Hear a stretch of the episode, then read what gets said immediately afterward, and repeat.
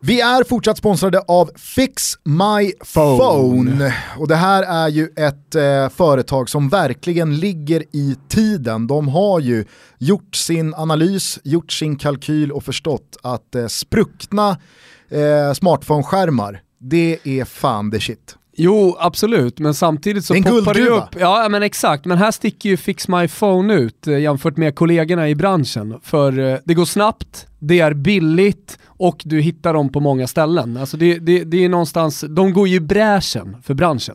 Yes! 30 minuter tar det. Är man eh, Toto Balutto-lyssnare som ni är, ja, då säger ni bara Toto Balutto när ni kommer till en Fix My Phone.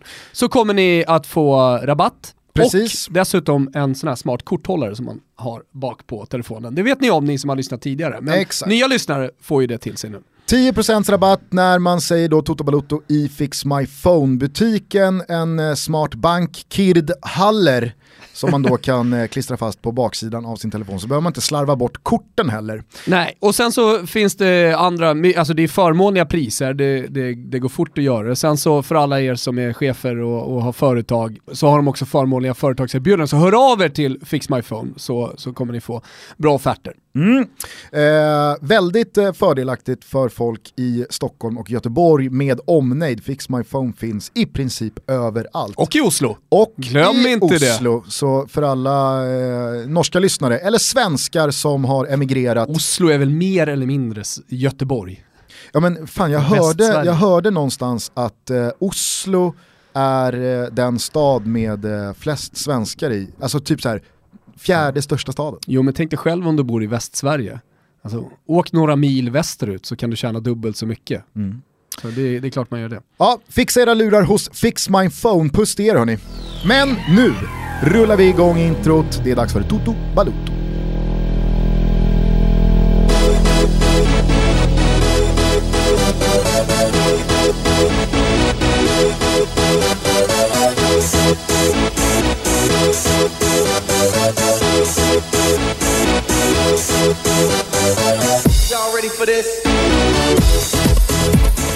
Då säger vi varmt välkomna till Toto Balutto. Det har blivit dags för ännu ett gästavsnitt som vi tycker så mycket om att göra. Senast var det Mikael Lustig som satt här eh, bara dagen innan 8-0-segern mot Luxemburg.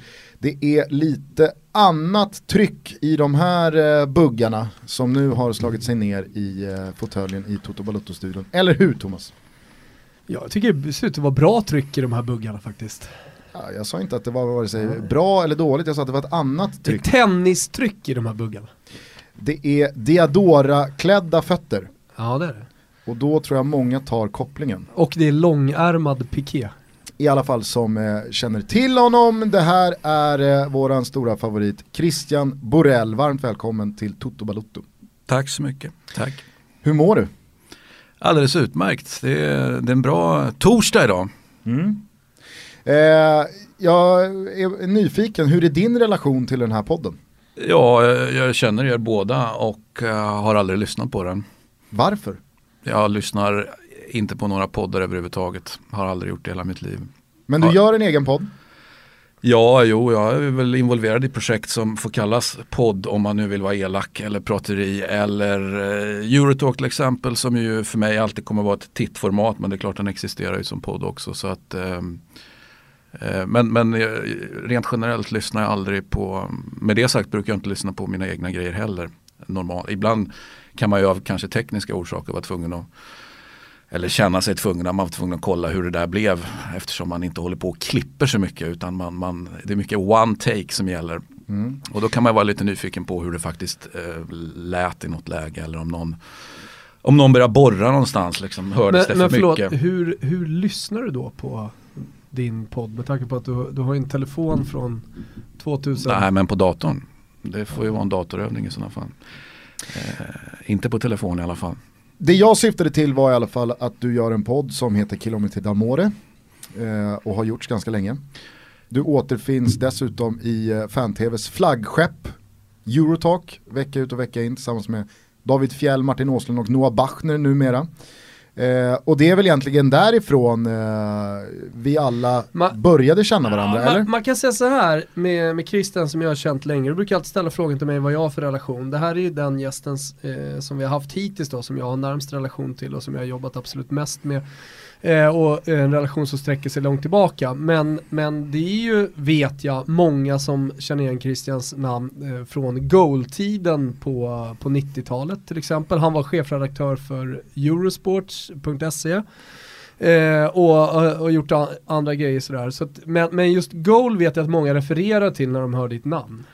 Eh, så är det ju, den får man ju höra väldigt ofta. Mycket listor på den tiden. Ja, det var ju en av de viktigaste grejerna man, man gjorde då, förutom att man skrev Italien och Spanien också från början, väldigt viktigt. Jag skrev faktiskt både och från början. Eh, och, eh, men ganska snabbt så kom de här topp 30-listorna, eller de kanske var med från start och de var ju en väldigt, väldigt viktig del i, i, i tidningen så att säga. Du, skriva, skriva bra, skriva offensivt, skriva initierat och så vidare. och Så vidare. Så det är många som har synpunkter på dem. Och de var ju kanske Italien och Spanien tunga. Det var inte så mycket England i dem, eh, på de listorna. Med all rätt då såklart. Att så mycket engelska spelare och kanske spelare som, som spelar i England var inte så aktuellt att lyfta in på, på topp 30 då som det var. Jag, var, jag var en eh, slavisk goal-prenumerant slutet på 90-talet kan jag säga. Vad trevligt. Ja, det var fina tider. Ronaldo prydde en del omslag, Batistuta var där. Ja, det var, Det var fina tider, tider. att läsa. Alltså, eh, absolut inte eh, dåliga, men annorlunda texter jämfört med hur man har konsumerat det på senare år. Det är olika verkshöjder i... eh, Ja, du menar, eh, du, alltså du menar inte goal rent generellt utan som jag skrev goal? Ja, exakt. Ja. Ja, på den tiden så är med. Jag, det var aldrig något självändamål att skriva. Liksom. Jag är ju en ofrivillig skribent helt enkelt. Jag har liksom aldrig haft någon... Du är också en av de mest underskattade pennorna. Ja, ja, det var vänligt sagt. Det var vänligt sagt. Med det sagt är jag ganska nöjd med pennan eh, liksom 2017. Jag är väl kanske inte jättenöjd med pennan 1997. Då jag Problemet är att den första. används alldeles för lite. Ja, det, det kan man tycka. Och det kan jag också tycka. Det, det, det, det är skönt att vara, det är skönt att skriva. Och det är skönt att skriva regelbundet. Och sen kan man alltid diskutera hur det där regelbundna, om det ska vara varje dag eller om det ska vara varannan dag eller om det ska vara var tredje dag. Nu pratar vi ju kröniker här, de märk väl. Och kröniker är ju, det är trots allt någonting annat än, än, än vanliga liksom, texter som, som kanske mer berättar om hur någonting är. Kröniker ska ju faktiskt vara någonting annat. Och med det sagt så krönikerar jag ju as we speak då eh, sen, sen eh, halvår tillbaka ungefär. Inte varje vecka men eh, jag snurrar som en av sex på Sulkesport. Nystartad eh, travtidning där jag står för utanför perspektivet. Om jag nu har hittat tillbaka till travet kan vi diskutera men jag lämnade travet en gång för 30 år sedan. Jag var ganska travintresserad av sporten, inte, inte spelet. Nej. Eller jag var Eh, till och med mycket intresserad ska jag väl säga. Jag kan ändå känna, och det är ju mycket för att man lever sitt liv eh, väldigt tajt in på Thomas, att i det här tycksamhället som vi lever i så kan det ju också gå lite inflation i just tyckande texter i form av kröniker. Att det upplevs lite som att man strösslar med för många åsikter, att eh, de som verkligen betyder någonting grumlas lite. Ja, nu pratar vi ju journalistik här och, och hur journalistik ska bedrivas och rent generellt kan vi ju säga utan ut, utan att recensera enskilda personer så, så är, det ju liksom illa ställt med, med, med krönikerandet och sportjournalistik och kanske inte journalistik på det sättet men definitivt sportjournalistik i Sverige. Så att, att du är missnöjd och tycker att det strösslas, jag tolkar det som någonting negativt. Att, att, att det, det, det ordas kanske bara för att det ska ordas. Eller? Jag menar att Thomas inte så sällan ibland kan uttrycka sig som så att ja, men, jag, jag har inga fler åsikter om Zlatan. Jag kan inte tycka mer. Mm. Jag har liksom sagt allt. Ja, men visst kan man nå eh, om, Vilket om man i och för sig har inte stämmer, för det kan alltid dyka upp någonting som är väldigt intressant med honom. Vilket du absolut- Ibland, Ja. ibland så uttrycker du dig så. Mm. Så kan det, men det kan jag också känna igen för att vissa, vissa grejer som man får leva med väldigt länge, vissa situationer till exempel, där kan man känna i ett visst läge att vänta nu, nu har jag faktiskt nått, inte vägs ände, men, men nu har jag liksom verkligen, nu har jag ältat, inte ältat i negativ bemärkelse, men jag har ändå jag har påpekat det här och nu pratar jag återigen då som, som, som krönikör. Nu har, jag liksom, nu har jag slagit fast hur jag uppfattar, äh, uppfattar att det är. Varför det är på ett visst sätt och eh, vad finns det möjligtvis för väg eh, framåt. Vad, vad är alternativet som finns. Och då kan man ju bli trött. Det kan, eh, från jag, jag krönikerar ju på, på eurosport.se och, och då var det, kan man ju säga, var ju vissa frågor som kanske blev lite mer intensiva än andra. Och, eh, men när du har skrivit tio kröniker som var och en för sig kan absolut vara jättebra. De kan vara jättefina, eh, sätta ihop de tio också. Men, men att fortsätta och, och skriva vissa grejer eh, ställer ju krav och det ställer framförallt krav också på de som läser. Eh, det är väldigt ofta att de kanske inte riktigt eh, tar till sig, vänta nu, jag har skrivit det där redan. Du behöver, liksom, du behöver inte för jag vill som krönikör och skribent och tyckare, jag vill såklart ställa det kravet på de som följer mig. Att du, kan liksom, du ska självklart kunna få hoppa in under min gärning så att säga. Det är inte så att du ska behöva, du kan ju bevisligen inte ha varit med från början då. Eh, det, det, det, kravet kan man inte, men, men du får faktiskt backa bandet lite grann om du ska till exempel komma in här och försöka ge mig vissa åsikter som jag bevisligen inte har eller försöka nita mig och säga att kolla här du har ju, du har ju helt fel, du är dum i huvudet liksom. Eh, då, då blir jag, jag tror stenhårt på att man måste ställa mycket höga krav på, på de som läser och eh, är det så att de inte pallar då säger jag bye bye. Jag konsumerar mycket lokaltidningar, eller framförallt då eh, nätsidor för lag. Men de blir ju som lokaltidningar för, för journalisterna verkar i staden Eh, och de följer eh, stadens lag om det är ett eller flera. Eh, och jag gör det för att eh, personligen så tycker jag att det är intressant att få eh, betraktelser eller berättelser men också nyheter från folk som är på plats, de som följer laget hela tiden till exempel. Då. Eh, och jag brukar tänka lite så kring när jag skriver om Zlatan ibland när jag, nu, nu, nu var det länge sedan i och med att han varit skadad så det känns lite bisarrt att prata om. Ja, men, men, det... men, jag ska bara säga, jag brukar tänka honom, mig själv som en lokaljournalist som följer Zlatan och mm. det är min, liksom, det är min lilla mm. eh, egna sida på något sätt.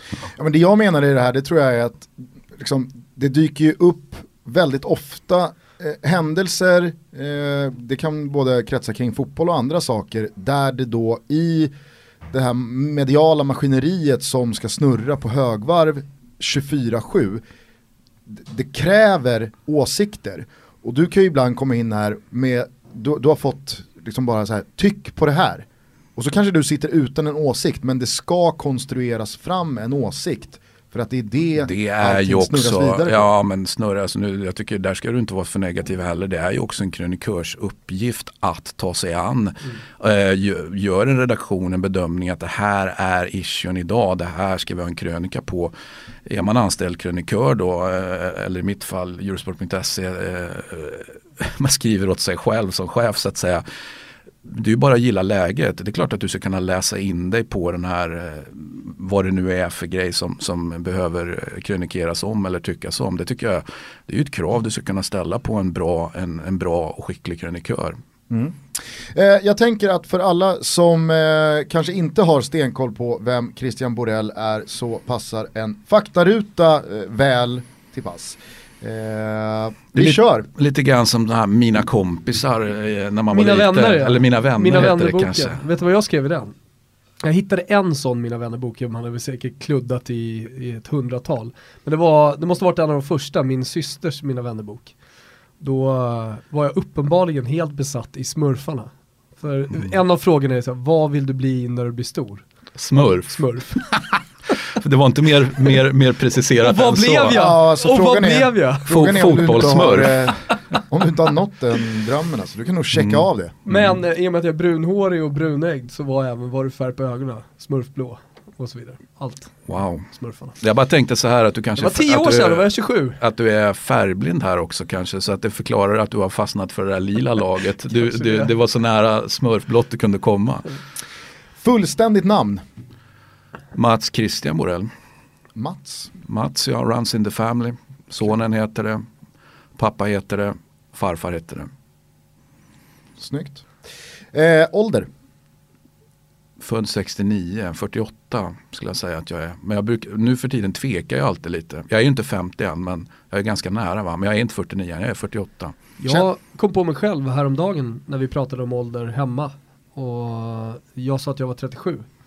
Och då efter ett tag så rättade eh, Helena mig. Ja men då måste man uppa den där. Du är ju 38 Thomas. Ja. Nej, 38. Men grejen är att jag räkna baklänges. Man är inte, det är inte så intressant längre vad man är utan det, det var mer intressant när man var yngre, tror jag.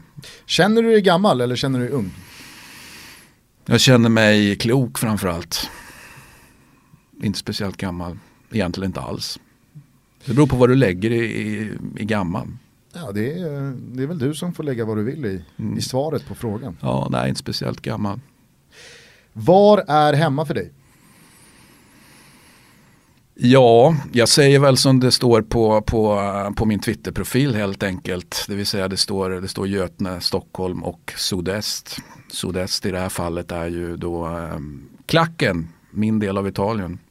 När fastnade du i eh, de södra delarna av Italien? Ja, det är en bra fråga. Det gjorde jag ju, eh, finns ju ett ganska exakt svar på det. Eh, och det är ju nu sommaren 1999 då, goal-relaterat. Jag skulle läsa in mig på, eftersom jag skrev säsongsguider, det var en viktig del också av, av jobbet i goal, så skulle jag läsa mig in på eh, nykomlingen eh, Lecce som då 9900 eh, var nykomling just. Så att, eh, fastnar rätt hårt där och har inte eh, för avsikt att, att, att lämna förrän jag, förrän jag coolar helt enkelt. För jag tror att det är många idag som eh, har en bild av dig som är nästan till 100% Italien och i en mer raffinerad utläggning kanske just södra Italien. Tycker du det är frustrerande och orättvist eller omfamnar du den bilden av dig själv som Italienvän ut i fingerspetsarna? Ja, Italienvän, ännu hellre då södra Italien. Eh, jag känner mig stolt. Det finns, ingen, eh, det finns ingenting i det som känner att jag är så mycket mer än Nej, södra jag, Italien? Jag har liksom inga, alltså där finns ju allt så att jag har, jag har inga problem med om, och, sen om folk tar till sig det på rätt sätt. Eh, tycker, tycker de till exempel att ja, men, jag kan inte ha en åsikt om den saken och den saken för att du är ju det du är, ja, men då känner inte jag nödvändigtvis att det är mitt problem utan det, det är väl snarare eh, lyssnarens eller, eller tittarens eller läsarens problem då i sådana fall. Jag känner mig väldigt eh, bekväm måste jag säga. För eh, Toto Baluttos roll som en bildande podd, vad har vi på Götene? Ja, vi kan väl fortsätta på, på uh, Italienspåret och säga Selmosson. Raggio di Luna. Han Raggio di Luna. Ja. Arne sägas Raggio di Luna, månstrålen. Mm. Min, min, när jag var liten, eftersom man är uppvuxen i ett samhälle eh, som det svenska då som, som eh, fokuserar så stenhårt på, på engelsk fotboll. Eh, så gav även jag liksom fullständigt fan i att han hade varit proffs i Italien. Det vägde inte speciellt tungt för mig trots att min far berättade för mig att det var så. Han var, för mig var han ju den något grinige sporthandlaren som jag köpte tennisskor och fotbollsskor och Var han inte järnhandlare slash sporthandlare då? Nej. För så var det ju en gång i tiden på 70-talet. Det, fanns... det var ju järnhandeln också sportaffär. Han var ju, och jag, och jag är med på det, eh, däremot så hade han ju, ska säga, den lokala motståndaren var ju just eh, Järnja som ju då hade både sport och såklart var, var järnhandel. Så att han, han utmanade, så kan vi väl se, se på det hela. Jag kommer ihåg eh, min eh, mormor och morfar eh, bodde, mormor bor fortfarande kvar, i Blackeberg i västra Stockholm. Där fanns då enligt, eh, enligt rykten då Sveriges bästa, Sveriges bästa eh, skridskoslipare. Det, det Sveriges... finns några sådana i Ja men det var Sveriges, Sveriges främsta skridskobutik, Skridsko-Johan hette den. Och där, mycket riktigt, kunde man, där kunde man ju dessutom lägga vantarna på lite hammare och spik och någon skiftnyckel också. Ja, ja. Jag tror att det är slipen Alltså just slipen till hockeyrören som gjorde att just järnhandel också blev sportbutik. Det låter ganska logiskt faktiskt. Eller hur? Ja. Men Sport-Johan är ju, det är känt i, i hela världen höll jag på att säga. Sport-Johan. Sa du inte att det hette det? Skridsko-Johan. Ja, jag tänkte också på Sport-Johan Sport-Johan, direkt. Sport-Johan var ju bra grejer. Fan han kapade Sport-Johan och körde Skridsko-Johan. Ja, eller så var det tvärtom. Det här var en väldigt liten butik som låg nästan i ett utblåst garage i Sport, Blackeberg. Sport-Johan på den tiden, det Slippa spelar radio. man ju i. När jag var li, så säga, liten och började spela fotboll, då hade ju alla, fanns ju inte ett lag som inte handlade från Sport-Johan. Eh, Alla lag var Det var. Sport-Johan och spelade med Sankt Erikscupen och hade man Riksbyggen-tröjor på sig.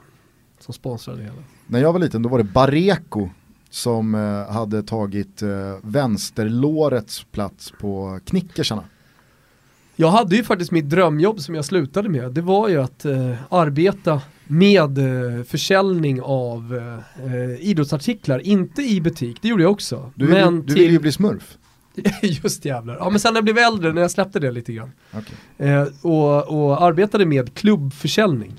Alltså det, det som, och det var så, det, det var verkligen en dröm sådär lite grann. Alltså att bara, man jobbade direkt mot klubbarna, det var jäkligt roligt. Eh, Och då i något läge fick du ju fingrar på Diadora-prylar och annat. Det hade väl hunnit dyka upp lite andra märken Ja, då. jag jobbade ju på Stadium, de köpte i agenturen, just då hade de den under ett tag med Diadora. Men, men det jag skulle säga, då jobbade jag ett tag med Micke Borgqvist. Mm. Eh, för detta AIK, Hammarby, Djurgården. Eller hur? AIK Bayern va? Ja, okej. Tror inte han var i Djurgården. Ja, jag tror också Djurgården. Men, eh, och jobbade ett par år eh, med Borgqvist, vet du vad han är känd för? Nej, Han värmde alltid upp med att göra hundra armhävningar på mitt, eh, i mittcirkeln. ja, Ja. jag vet inte vad jag ska säga om det. Det är väl den typen av, av eh, mentalitet som gör mig väldigt bekymrad faktiskt. Svensk fotboll när svensk fotboll är som sämst. Vi kan ju avslöja ytterligare då en liten eh, nugget som ligger på planeringsbordet inför Toto Balutto avsnitt 100 på Oscarsteatern den 6 december. Eh, nämligen att eh, vi hoppas kunna kicka igång hela eventet med att Borken gör 100 Vi armhävningar. behöver ju någon som värmer upp publiken. Eh, Christian, vilka språk behärskar du? Ja, sven, alltså vad behärskar, du menar så, där jag tar till mig, pratar, läser.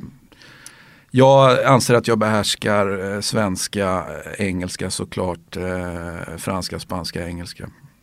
Och italienska. Vad sa jag inte det? Nej, det Nej. sa jag inte. Nej, du glömde ju italienska. ja. italienska.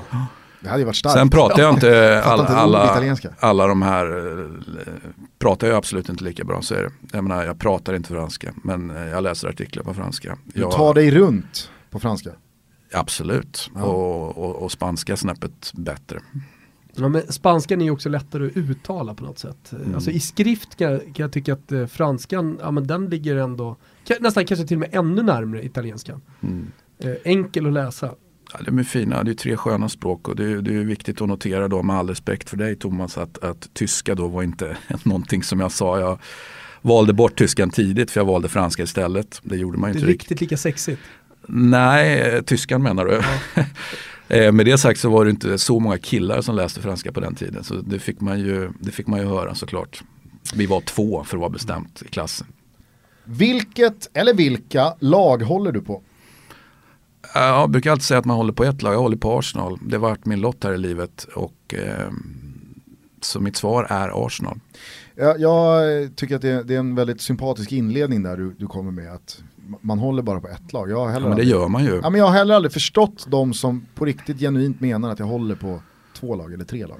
Men jag fick en rätt bra stresstest på det faktiskt. För, att, eh, för det har ju att göra med att jag började hålla på Arsenal. Jag var väldigt, väldigt liten och jag kan liksom inte reda ut exakt hur, hur det gick till. Jag bara vet att det, det bara var så. Och, och sen när man kanske i något läge till exempel försökte man kunde bli lite avundsjuk på, på, på kompisar som hade liksom också ett svenskt favoritlag. Tyckte, ja, men fan, lite småtrevligt ändå att ha ett svenskt lag. Så jag försökte men liksom, det funkar aldrig. Nu i efterhand har jag förstått att det var ju väldigt enkelt för att jag var ju Arsenal. Det är väl klart att inte det funkar att skaffa sig så att säga, något ytterligare lag då. Eh, men med det sagt, stresstestet jag vill komma till är att när jag började med fingrarna, jag, jag släppte ju engelsk fotboll fullt, fullt. Jag vill liksom inte ha med engelsk fotboll att göra. Eh, däremot var jag tvungen att titta på Arsenal såklart eftersom det är mitt lag. Eh, och då um, ägnar jag all tid i princip då väldigt mycket åt spansk fotboll också ska jag säga men framförallt åt italiensk fotboll. Och då fanns det ju vissa så att säga, projekt som jag föll för i, i, Spa, i, eh, i Spanien också för den delen men, men, men i Italien. Ett väldigt viktigt test för mig var faktiskt när så jag fick faktiskt lite dåligt samvete. Eh, för då blev, för jag var väldigt, väldigt, väldigt, väldigt påläst och engagerad i det som var Franco Sensis Roma när Franco Baldini var sportchef i första vevan. Eh, jag, den tiden jag har ägnat åt det, det, det jag, på ett sätt vill jag tänka på hur mycket tid det är men det går liksom inte att överskatta hur mycket tid som, som jag la åt det. Eller la på det.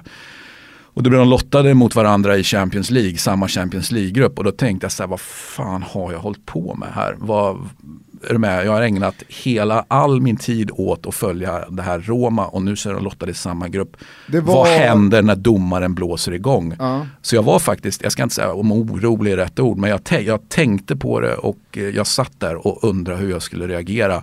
Men när matchen kom, det var ju inga som helst problem överhuvudtaget. Då var jag ju 100% liksom gunner. Det, det, det, var faktiskt väldigt okomplicerat. Och rätt mig om jag har fel, det måste varit då när Thierry Henry gjorde hattrick på Olympico. Eh, det är jag osäker på. Däremot kommer jag ihåg att Kion, eh, Kion och, och Casano clinch i den matchen. Ja, eh, ja men då, mm. då pratar vi nog om samma säsong. Rami mm. Shaban stod i mål för Arsenal på Olympico. Jag tror att det var hans andra matchen. Och, mm. och det är säkert returmötet för att det, det, när min oro då, om vi nu ska kalla det det, fanns, det var ju när de skulle mötas första gången. Så att det är framförallt första matchen på Hybrid som okay. jag kommer ihåg. Eh, returmötet har jag överhuvudtaget ingen, eh, med, det finns liksom inget minne av det förutom att jag vet om att Henry har gjort tre mål. Va? Men mm. jag kommer inte ihåg den matchen.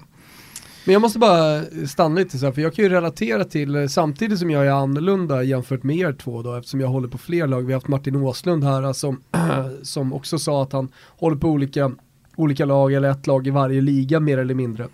Jag tror att det, det är olika sätt att kommunicera sin, eh, sina känslor på. Alltså så här, att hålla på ett lag. Ja men det är det laget som man, som man går i graven med lite grann.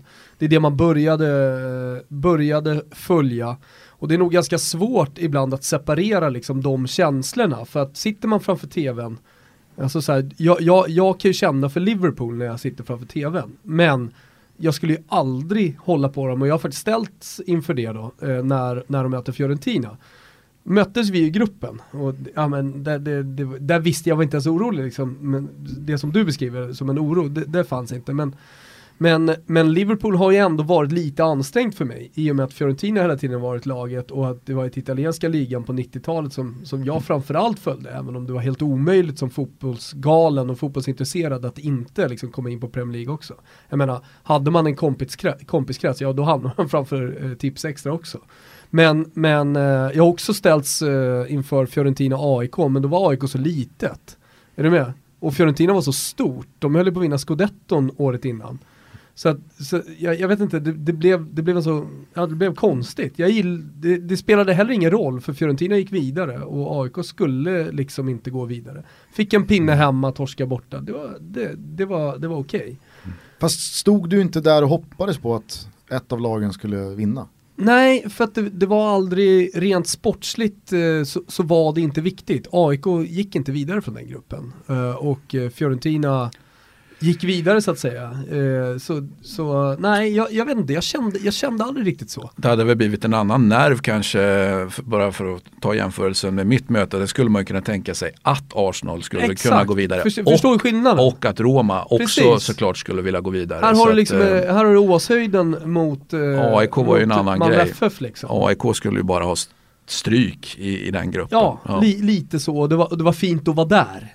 Det var, det var det som var hela vinsten att spela de här matcherna. Det var ju väldigt mycket lillebror. Jag kommer ihåg jag var på alla de tre AIK hemmamatcherna då. Det, var ju, det är ju oförglömliga minnen såklart. Ja. Och eh, finaste minnet som, som jag har där måste jag säga det var ju jag menar, Batistutas uppenbarelse. Då menar jag inte på planen utan jag menar sen efteråt så att säga eh, mixade zoner och allt vad fan det nu heter. Det var mäktigt att se Batigol. Ett mäktigt jävla lag back then. Verkligen. På tal om det då, jag måste fråga eh, Christian, eh, efter ett eh, så långt liv med Arsenal, eh, när skulle du säga att den klubben var som finast? När låg den dig som varmast om hjärtat? Det har ju funnits väldigt många skepnader av Arsenal. Ja, men det blir ju, jag är ju evigt tacksam för George Graham som då ryckte upp klubben från, från att vara en icke-vinnande klubb, även om man då fingrade på, på FA-kupper med ganska stor framgång.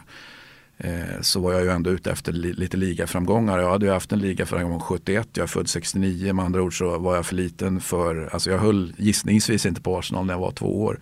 Eh, och, och, jag, och, jag, kommer ju inte ihåg det. Så att jag gick ju och väntade på en ligatitel och den fick jag ju vänta på ganska länge och den fick jag med George Graham. Eh, och bara den, den, att gå så länge och eh, vänta var, var, var underbart på så många olika sätt och vis. Och det sättet som George Graham väldigt tydligt direkt när han kom sa bara att jag är här för att vinna. Arsenal är en klubb som vinner titlar och eh, folk garvar ju lite grann åt det där. Fan var George Graham och komma där, liksom kom, från, kom från Millwall. Bara en sån sak. Även om han då hade varit med och vunnit dubbel 71 också så kanske han hade en trovärdighet där och han hade spelat för andra klubbar och var en men, men han var ju liksom ändå ett oskrivet kort på ett sätt som tränare och han var ju inte ett första val heller. Så att, eh, men, men det han gjorde med Arsenal är honom evigt tacksam för och eh, också en sån här grej som är... Hur gammal var du under hans era? Ja, han, han klev ju på till sex. Så att jag var alltså 17 då. Blir det väl. Eh, så att han, det, det var, det var på, på gymnasiet. Mm. Han klev på helt enkelt och, och berättade att att jag helt plötsligt skulle kunna få vinna titlar. Liksom. Och så levererar han det. Precis som han har sagt också att vi, vi, alltså, vi, ska inte vinna första året ligan. Däremot så började han ju vinna titlar redan första året. Han tog ju ligacupen som ju kanske var viktigare då eller mer värd då än vad den är nu. Det skulle jag väl argumentera för. Ja. Så han börjar ju med att... Carabao Cup menar du? Han, eh, han börjar ju faktiskt, Littlewoods var det på den tiden, så han börjar ju med att vinna en titel även om det inte var ligatiteln första säsongen. Så han, han eh, alltså, det måste man ju dra så stora växlar på. Och det är ju extremt mycket så också nu när man tittar på Wenger som ju då tyvärr tränar det här laget fortfarande. Det gäller ju att förstå att utan, utan Graham så hade, ju, så hade ju inte Wenger kunnat göra det överhuvudtaget som han då ah, har gjort. Va? Så att, eh, att inte förstå steg ett utan bara fokusera på steg två och tycka liksom att steg ett på något sätt inte finns. Eh, då kan man ju bli bekymrad om folk inte kan ta in det. Nej, men anledningen till att jag frågade hur gammal du var då. Eh, det är för, jag har funderat lite på det på slutet för att jag märker att jag har en annan inställning till mina favoritlag nu än vad jag hade förut. Eller jag följer dem på ett annat sätt. Det, det, är lite andra känslor som kommer upp. Framförallt så känner jag att jag liksom tittar på det lite mer utifrån. Och sen så kan det också såklart ha att göra med att under under stora delar av min liksom, supporter, eh, vad ska man kalla det för, under min supportergärning eller vad det nu är, eh, till mina klubbar så har jag också varit på plats och följt laget och sådär. Alltså det, det, det, kan ju såklart ha med det att göra, men jag vill också hävda, eh, för, för, att prata på rälsspråk med all önskvärd tydlighet, att eh, man, man har, alltså, man har olika också supporterepoker sådär. När man är liten så, så följer man spelare mycket mer. Och när man sen kommer upp i, som du säger, eh, upp i gymnasiet där, då, då börjar man ju mer och mer följa laget och tränaren och allting runt omkring som jag, man börjar förstå helheten mer. Och, och sen då, ja, nu, nu är jag uppenbarligen närmare 40 va, eh, då, då kanske man också börjar blicka lite tillbaka, eller jag märker i alla fall att jag börjar göra det börja jämföra då olika epoker. Vad är det som har lett till det, en, eh, till det ena och, och, till det andra? Alltså utan Tjeckigori så hade Fiorentina aldrig, så hade Delavalle aldrig tagit klubben och om inte Delavalle hade klubb, inte hade tagit klubben, vad hade hänt då? Och så vidare och så vidare. Alltså man, ja, Ja men det är ju en ynnest att, att då besitta på, på eh, att, att du dels ska ha reflekterat under tiden och samla, men, men du har samlat på dig en erfarenhet och, och kan jämföra olika epoker, olika spelare, olika whatever. Det tycker jag är, det är ju en av grejerna du frågade förut om, om jag känner mig eh, gammal då, va? men det är ju det är en sån ynnest att, att, va, att ha erfarenhet. Eh, du behöver ju fortfarande göra en vass analys ändå, va? men att, att ha de här allt ska inte behöva vara självupplevt heller, det är inte det jag menar med. Men att, att du ändå med en, en livserfarenhet skaffar dig förmågan att, att, att väga och, och, se skillnader och se likheter och helt enkelt navigera på ett, på ett vettigt sätt. Då. Sen så är väl en eh, stor skillnad också åldersmässigt är att när man som 17-åring följer ett lag så är det ju mycket, mycket mer kan jag tänka mig emotionellt på ju, liv eller död. Det är ju viktigt, alltså jag tycker, jag, jag, på ett sätt håller jag med om det du säger det här med spelare kontra att man är mer spelarfokuserad. Rent generellt så, så skulle jag vilja mer säga. Mer spelaridoliserande då Ja, ja men, men så, så, är det såklart. Va? Men, men eh, jag, jag, tycker också man eh, man landar i eh, Alltså det hör ju till ungdomen att vara bokstavstroende. När man är, när man är ung, eh, stora majoriteten eh, av människor letar ju efter en regel som egentligen inte har några undantag. Så här är det. Och det är skönt att veta, aha, men, aha, det är så här. Sen så i något läge när man då gissningsvis blir lite äldre så börjar man reflektera, alltså, vänta nu fan det, det är ju inte alls så där. Till exempel engelsk fotboll är väl jättebra. Jag är uppvuxen med att engelsk fotboll självklart var bäst i världen. Jag menar, det, tyckte, alltså, det var underförstått, det fanns ingen annan fotboll. Eh, även om de, visst man fattar, men de har väl vunnit några VM-titlar där borta de andra och England kanske bara en. Va? Men engelsk fotboll är bäst ändå. Det var, det var liksom regeln. Sen så fattar man ju ganska snabbt att det var en, en, en regel som var ganska urusel att, att jobba med. Va? Men i Sverige rent generellt så jobbar vi fortfarande med det här eländiga regeln då, liksom det här övervärderandet av, av engelsk fotboll på ett sätt som är djupt bekymmersamt. Alltså att inte kunna att inte kunna tänka in andra, andra nationers fotboll eller andra världsdelars fotboll till exempel. Som, Hur ser din prognos ut där? Apropå vad? Apropå engelsk fotbolls ohotade maktposition i uh, gemene svensks fotbollsmedvetande? Nej, men jag, jag säger alltid, finns det liv så finns det hopp. Alltså, ja, vi, vi tre sitter ju här och, vi, eh, och det är inte bara vi som sitter här och, och hävdar att det inte ska behöva vara så här. Och det betyder att det finns ett motstånd och eh, jag är stolt över att vara en del av det motståndet och det är en fana jag gärna, jag gärna banderar där.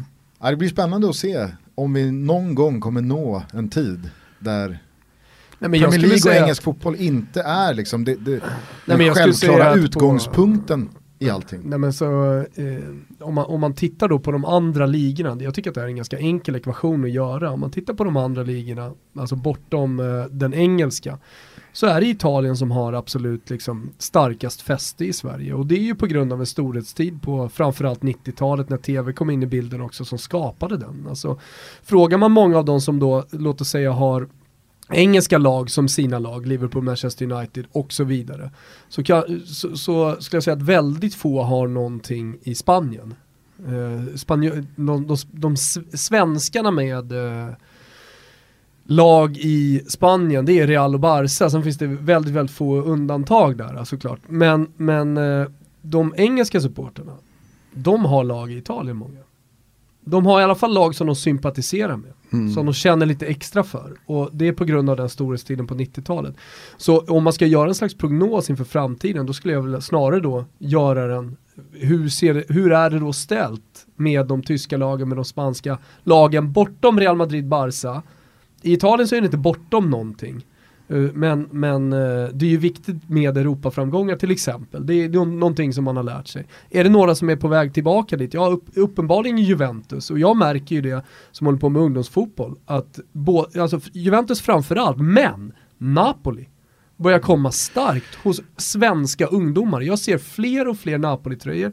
Jag, har, jag försöker ha örat lite mot, för jag tycker att det är intressant där, jag försöker ha örat lite mot gräs, de plastgräsrötterna då eh, som det är nu för tiden i Sverige.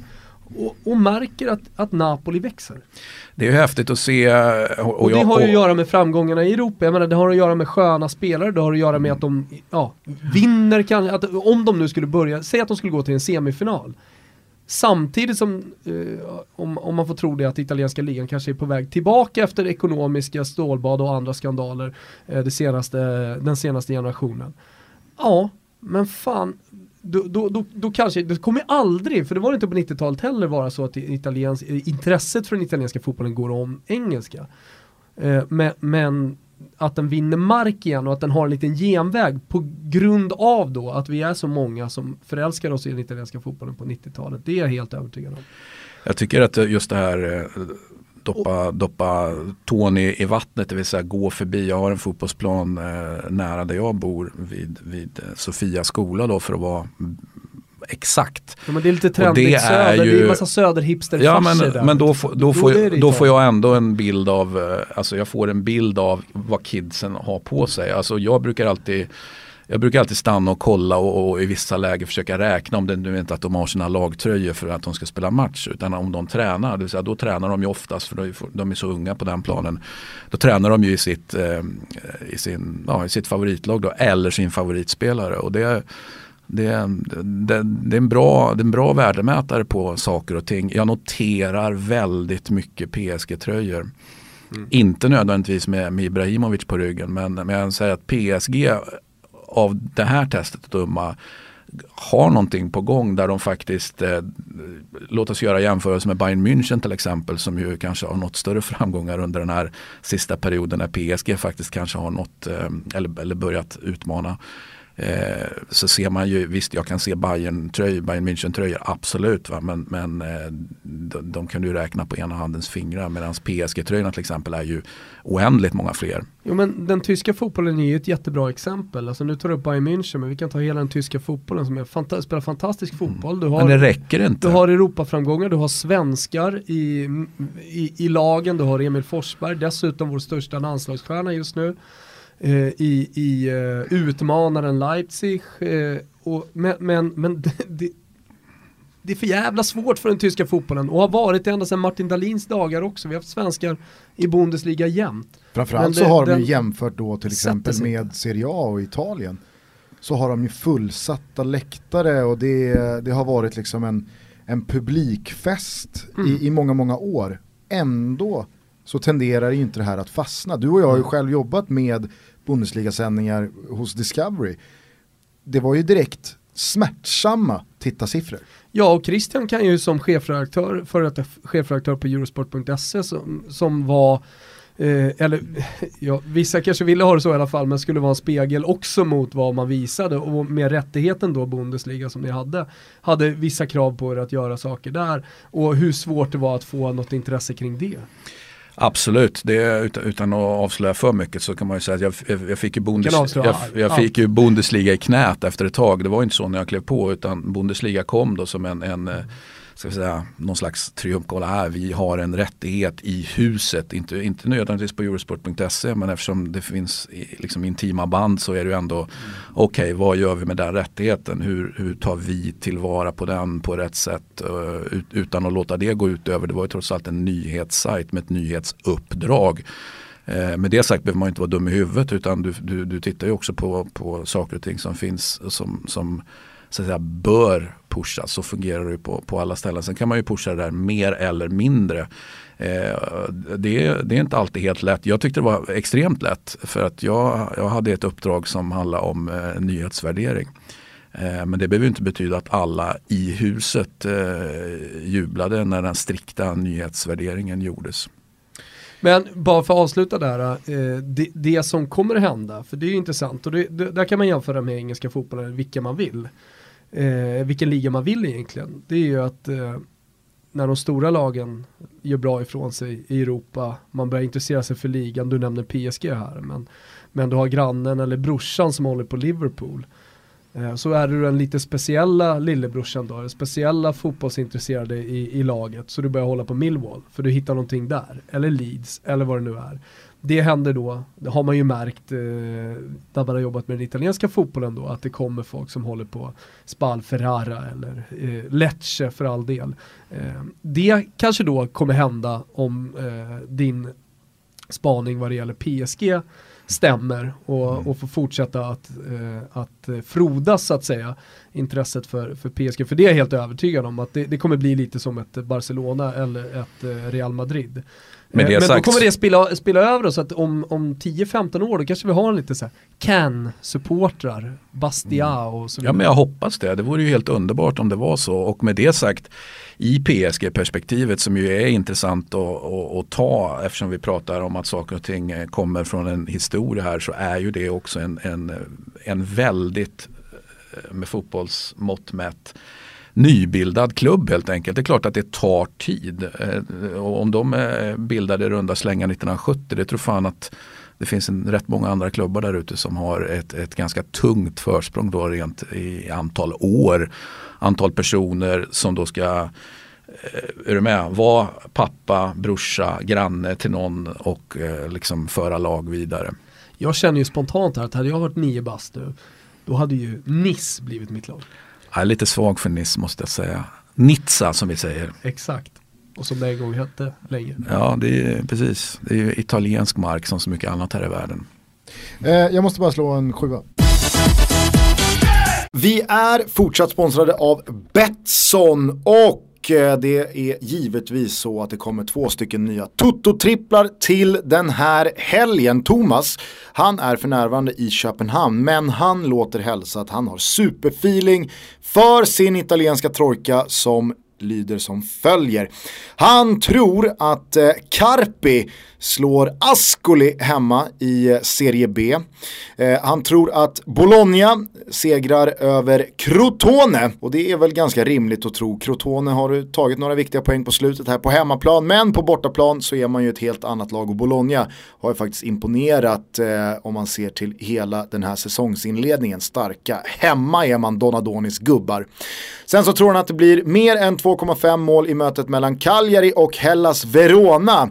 Det här är ju två lag som verkligen behöver poäng, således lär ju ett mål öppna den här matchen rejält. Så att över 2,5 i mötet mellan Cagliari och Verona och så raka segrar för Bologna och Carpi. Jag, jag tror på att eh, Manchester City slår Arsenal med två mål eller fler. Det är ett Arsenal som eh, Ja, de mår sådär. Visst eh, lär inte speciellt många ordinarie spelare spela i Europa League-matchen under torsdagskvällen. Men ni alla som med mig såg Arsenals match mot Swansea senast såg att eh, den där prestationen mot Everton i omgången innan verkar snarare ha varit en engångsföreteelse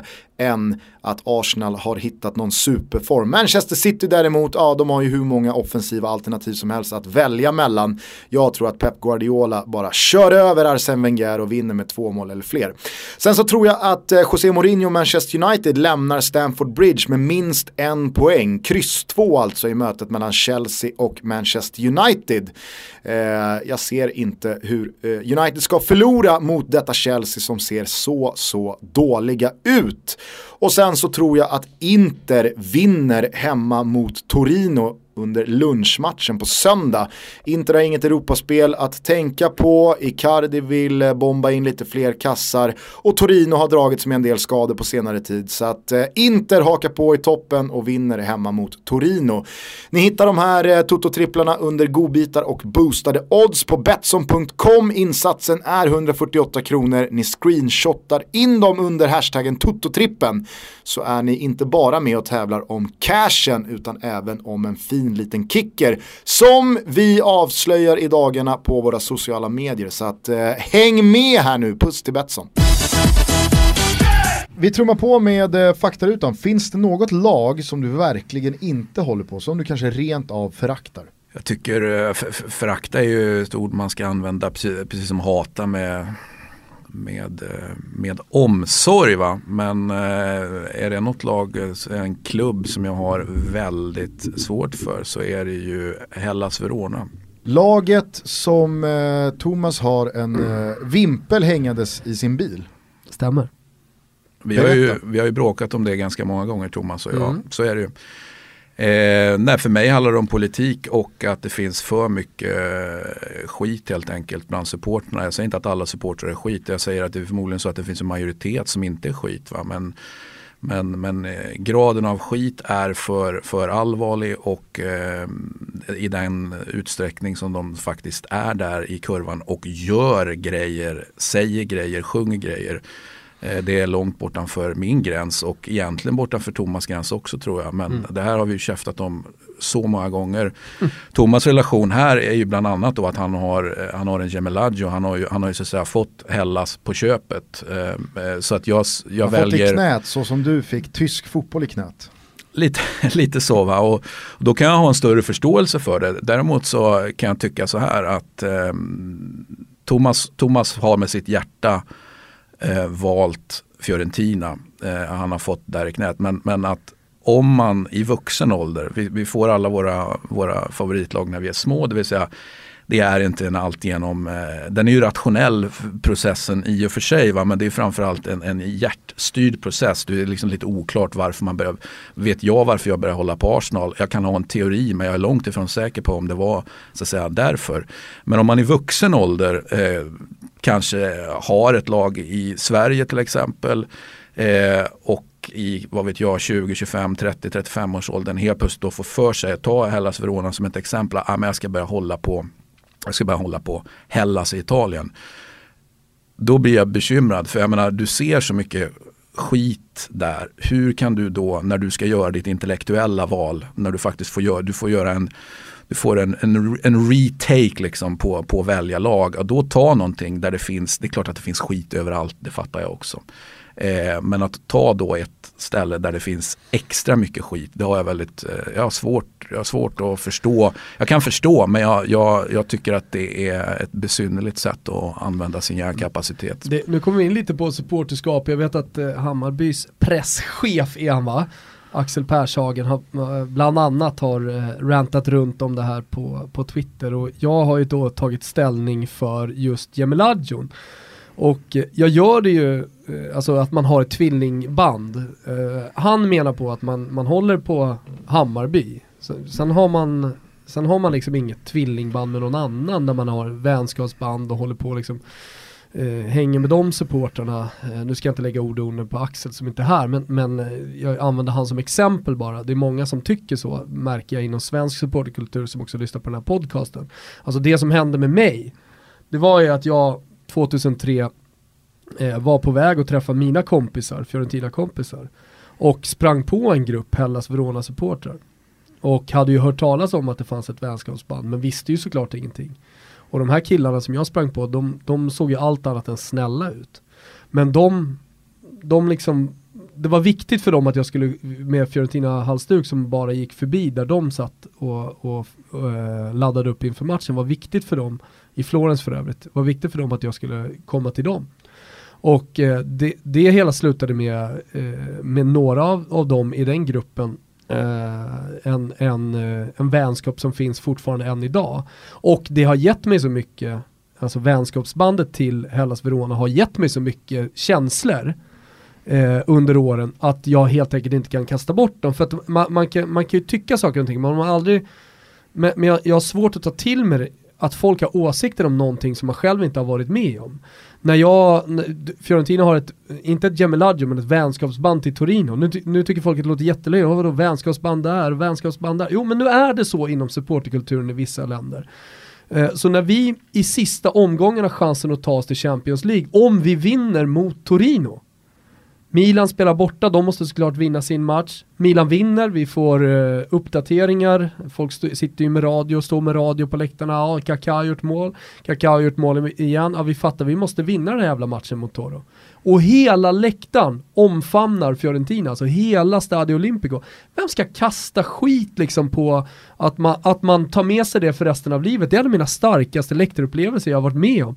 Att en hel, en hel arena som inte ens som inte ens liksom håller på laget, deras lag spelar, de hade ingenting att lira för, ska sägas. Och när, när Osvaldo drämmer in en bissa i 78 minuten efter ett inlägg av Martin Jörgensen för övrigt, vilken jävla, vilket jävla Fiorentina-lag det var. Eh, och, och, hela stadion exploderar och eh, Torinos kurva stormar planen, springer bort till oss, vi, vi stormar planen, Uh, och sen så följer liksom en 48 timmars fest i Turin efter det för att vi har tagit det. Det, det, det, det är sådana minnen som, som sagt, som följer med en hela tiden. Jag kommer alltid vara tacksam till eh, Torino-supportrarna efter det. Precis som jag kommer vara till de Hella-supporterna som jag blev vän med och som jag följde med och gick på matchen med sedermera, som jag gått på matchen med efter, efterhand. Sen kan jag absolut förstå det du säger om man gör, nu gör ett intellektuellt val, eller om man gör ett val så så tycker som jag inte man borde är se över, Ja precis, mm. som, som inte har då med känslor att göra. Däremot så kan jag ju tänka mig att om man hamnar på en Verona-match eh, och ser den stämningen som, eh, för, för, det är ju faktiskt så att det finns ju inget lag som skapar den, det trycket på en arena, eh, jag skulle fan säga någonstans i Europa som Hellas Veronas supportrar gör, så kan jag förstå att man rycks med i den stämningen. Eh, och den decibellen som en trots allt ganska, ganska en trots allt ganska liten arena kan skapa, det kan jag förstå att man rycks med i. Eh, men eh, ja, det, det, som, det blir som sagt, när det är högerextremt eh, då, då, då, då ska man vara försiktig, det håller jag med Men liksom, väljer du att bortse från den delen eller problematiserar du den i dig och liksom väger mot varandra? För jag håller med Christian om att så här, skit finns överallt och det är väl klart att det, det finns saker som... Jag kan problem... Ja. Nej men jag, jag menar bara att det, det, finns ju, det finns ju eh, saker och eh, åsikter och uttryck som har kommit från romahåll som jag, alltså till 100% det har man bara blundat för. Alltså, skit i det där, det där tänker man inte på. Det här är ju dagsaktuellt i och med eh, de, de senaste turerna kring Lazio och eh, om jag nu bara kortfattat recapar det här rätt så stod Lazio-supportrarna i den södra kurvan på Olympico eh, och eh, tapetserade då med eh, eh ganska så rejält antisemitiska eh, vad, vad, vad, ska man kalla det? Med det sagt som bevis på att skit finns eh, överallt då. Jag är eh, inte på något sätt ute efter att förminska det här. Däremot så kan vi säga hur mycket klotter i, i Rom finns det inte där det står Laziale Ebrei som en romanista har skrivit. Eh, det var någon som gjorde en sån här recap nu eftersom det här är väldigt aktuellt som sa ja, men det var inte för många år sedan som vi hade en, en striscione från Roma-håll eh, som handlade om eh, Lazio Livorno eh, stesso iniziale, stesso forno.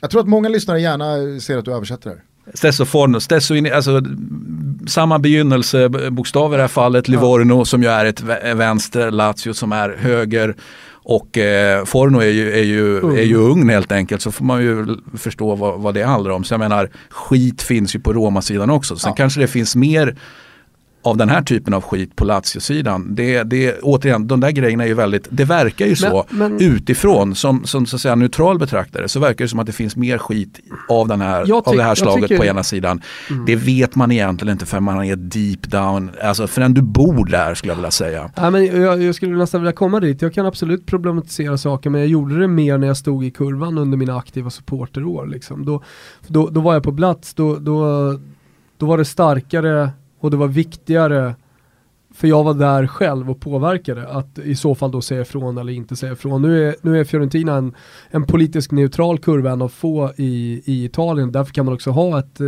Gemilaggio med, med Hellas, som är, ett, som är ett tvillingskap som går bortom liksom, politiska gränser. Men det är ju skapat, eh, det är ju skapat sprickor eh, mellan andra då, ja, men så här, helt okej okay band man har haft eh, till exempel då eftersom vi pratar om Livorno så får ju alla som är intresserade av supporterkultur eh, spetsa öronen kanske, men, men eh, det var ju så att eh, Livorno är extremvänster.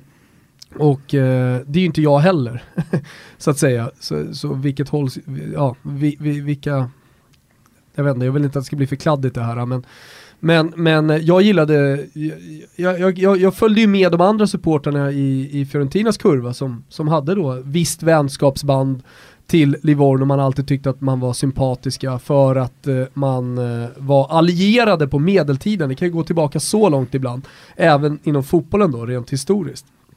Eh, men i ett läge så tröttnade Livorno på att Fiorentina var vänner med Hellas. Och eh, då sprack det i ett derby när Lucarelli, ett Toscana-derby, när Lucarelli gjorde Luca Tonis målskytt och man började retas med varandra. Det slutade med att Livorno höll upp en banderoll i kurvan där det stod först en röd kurva, för Florens är en röd, röd region helt enkelt. Eh, till, eller från en röd kurva till en svart kurva, eh, svart då för, för eh, fascismen. Eh, på grund av att man håller eh, dem Då svarade Fiorentina-fansen i alla fall ironiskt med Livorno, Pisas hamn.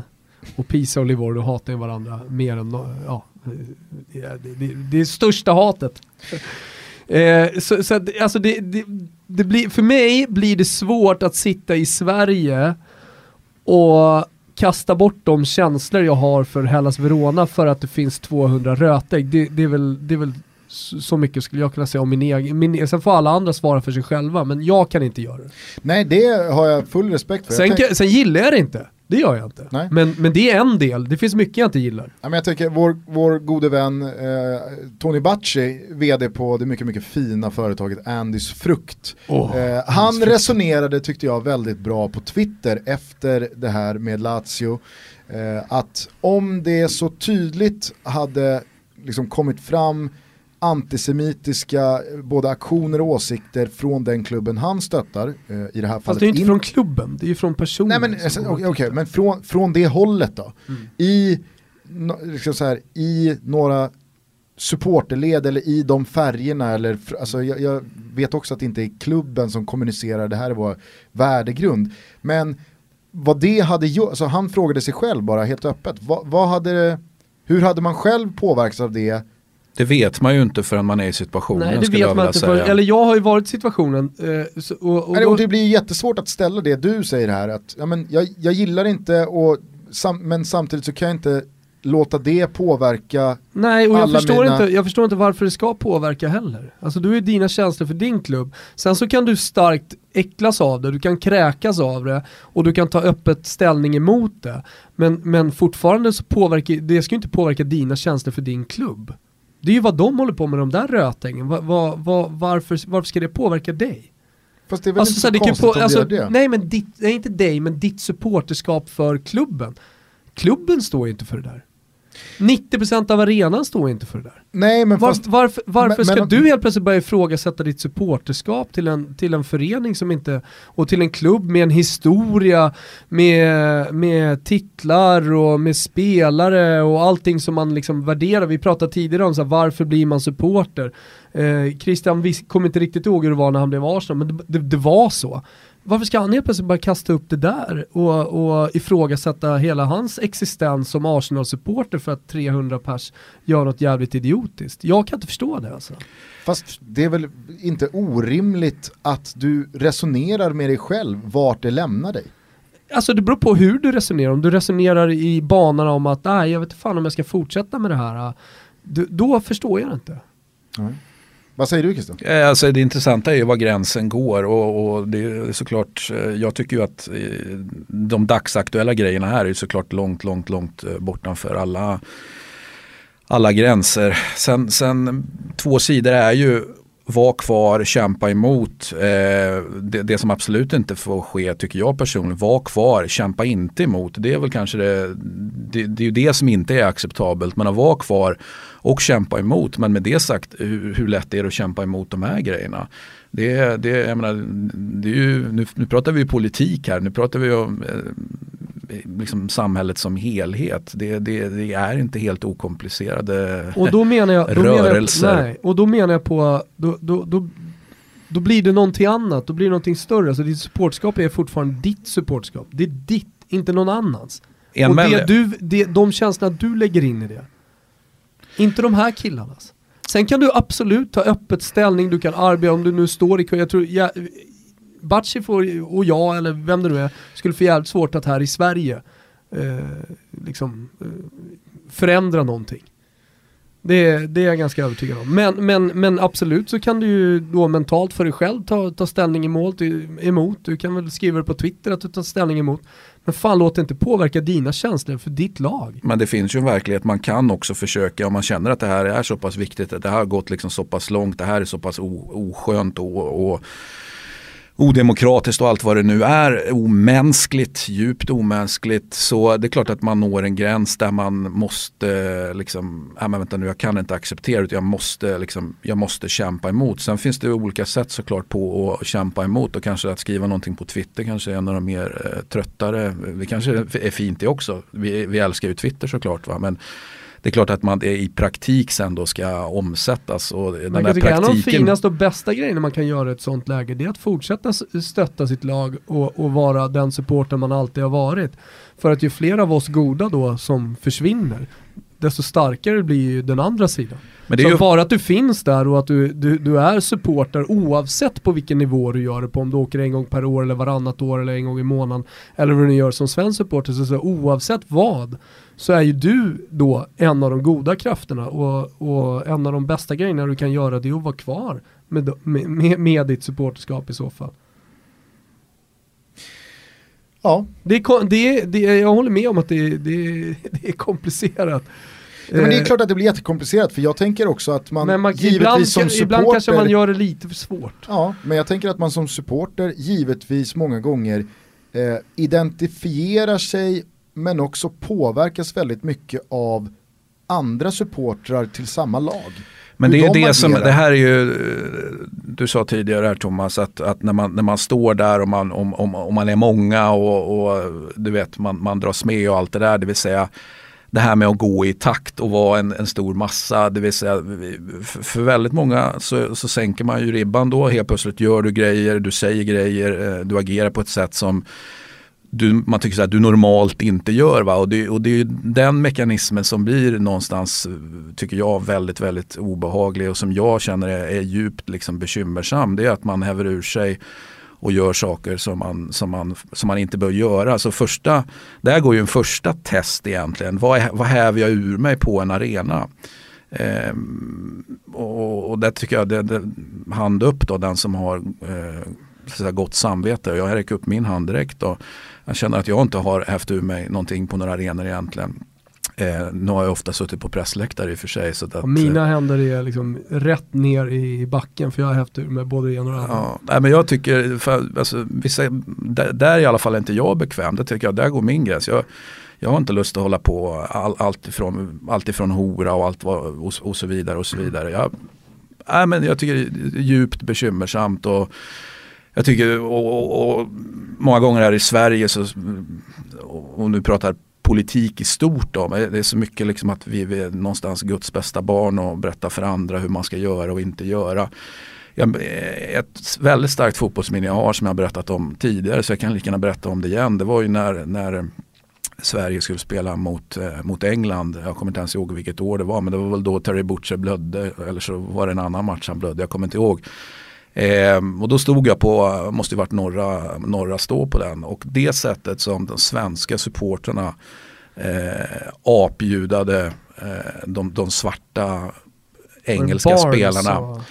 Ja, framförallt så kom ju, kom ju David Rocastle in, bland annat min, en av mina absolut st största favoriter genom alla tider. Eh, och då, då, då kändes det ju ännu mera, men jag kommer ihåg att jag stod bredvid folk till höger om mig, folk till vänster om mig, ap apljudade, bland annat personen, en person i fråga som jag, som jag gick på matchen med. Som inte då var egentligen, eh, han jag var ju egentligen inte så speciellt intresserad av fotboll, han bara, liksom bara hängde med. Uh, och rätt vad det är så står man, står man på ett Norra Stå liksom, där alla apjudar svarta spelare jag mådde jävligt dåligt och, och, tyckte att det var sjukt eh, alltså obekvämt och alla de här grejerna. Jag var med om exakt samma sak eh, på Olympico inför Roma-Inter. Eh, då stod jag bakom då en äldre man som hade med sig sitt Antingen var han en väldigt gammal pappa eller så var han då farfar eller morfar då till en liten, ah, han var väl sju bast kanske. Och då så, så står den här mannen och pekar ut då Samuel Eto'o under uppvärmningen och eh, berättar för lillkillen att honom gör vi apljud gentemot mm. och honom skanderar vi de här sakerna emot. Och det, alltså det smakade så jävla illa. När den, när den dagen kommer eh, du vet, Sankte Per och allt det där. Ah. Då kommer ju någon och här eller om det var den, den äldre pappan. Det är ju sånt, det är sånt du får svara för. Ja, sånt vet jag inte riktigt om jag tror på överhuvudtaget. Men, you need not worry, det kommer. Men jag vet i alla fall att jag gick därifrån och bar med mig en jävligt, liksom så här, och även fast det kanske inte har någonting med AS Roma att göra, absolut inte, så kan jag ju inte blunda för att det påverkade hela min upplevelse och ja, men någonstans så gick ju någonting sönder liksom. Det blir, det blir lite, lite pissigare. Eller ganska mycket. Ja, ja, dessutom. Alltså, ja. verkligen. Men i, om, man, om man då sätter det, den incidenten. Det man egentligen vill göra här och som du faktiskt skulle kunna ha gjort eftersom du då, det, blir faktiskt, det är lite enklare även om man skulle kunna argumentera för att det är lite svårare. Du skulle kunna spela eh, det utländska kortet helt enkelt. Du skulle kunna som utlänning i det här fallet, du skulle kunna säga att, om han pratar engelska det vet vi ju inte, men du skulle kunna eh, säga till och fråga vad är det som händer. Och du, och du, hade du gjort det som en italienare då hade det kunnat bli slagsmål såklart. Va?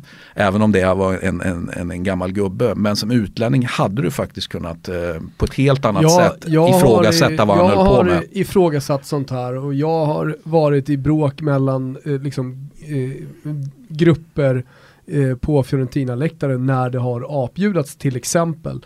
Eh, det, någonting som det, jag tror har förekommit på i stort sett alla läktare, för det var ju ett tag, oavsett alltså eh, politik, som, alltså, oavsett politiska åsikter hos dem, liksom, i, som grupp och som individ, så gjorde man apljud ändå för att det var liksom en del nästan av supportkulturen. Men jag, jag, jag har varit med flera gånger eh, när min grupp har sagt ifrån och jag har varit med och sagt ifrån och mm. när, när det har blivit som du säger nästan handgemäng och till och med någon gång eh, handgemäng också. Eh, just på grund av eh, apljud och, och, rasism på, på läktare. Där tycker jag absolut att man ska säga ifrån. Jag har sagt ifrån på svenska läktare eh, också. Det, det, jag har inga problem att säga ifrån, jag tycker fler ska säga ifrån också. För det handlar om civilkurage. Mm. Man ska dock vara försiktig. Eh, alltså, så är det ju alltid med civilkurage. Ska jag gå in Exakt. här och bryta det här bråket eller ska jag inte göra det? Mm. Du hann ju nämna Rowcastle här, men eh, finns det någon favoritspelare genom alla tider?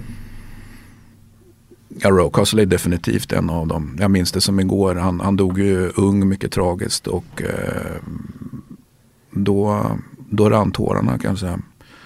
Så Rowcastle tycker jag, jag skulle kunna tänka mig att svara Rowcastle på den. Det är, det är inte helt lätt att svara på den. Jag, man har ju, eftersom man gillar fotbollen så, så har man ju samlat på sig en del och är då gammal på pappret så det är klart jag samlar på mig en del spelare. Va? Men eh, det blir ju också ställa Arsenal-spelare blir ju ett, ett egen, det är en egen kategori så att säga eftersom det är det, där, det är det jag är helt enkelt. Sen finns det ju en annan kategori då som inte är Arsenal-spelare. Så att sen, sen, hur de kategorierna hänger ihop det, det är inte helt lätt att, att, reda ut. Va? Men du får om du vill bolla upp eh, ett eller flera namn till här som, som har varit dina favoritspelare. Ja men jag har ju haft den stora förmånen att följa Ledesma till exempel under, under en hel karriär och, och träffa Ledesma och så vidare. Och, eh, och träffa honom innan eh, när han satt på bänken i Serie B. Eh, så det är klart att en sån karriär var väldigt svag för honom. stannade ju dessutom ganska länge i Lecce innan han flyttade till, till Lazio.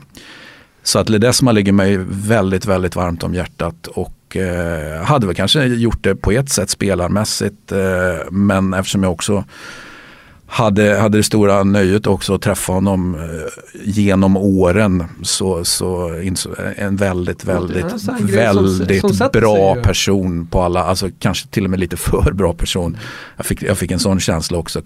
Kommer du verkligen håller den här liksom, schyssta attityden eller den bra människan du är, funkar det verkligen här i, i en grisig fotbollsvärld? Jag var, jag var lite orolig för honom faktiskt, men det behövde jag ju inte vara för han, han, han fixade det där på ett alldeles utmärkt sätt. Jag jag och Gusten såg Christian Desma för något år sedan här i Stockholm. Han spelade på Tele2 när AIK mötte Panathina Eller var det Panathinaikos? Panathinaikos var det. Ja. ja. jag var av, av reseskäl inte, inte görbar då men, men det hade varit eh... Lika fin fortfarande Christian? Ja man ser ju eh, en ja, underbar spelare. Ja. Nej men det har han egentligen aldrig varit men, men han eh, oj, oj oj oj oj oj vad bra.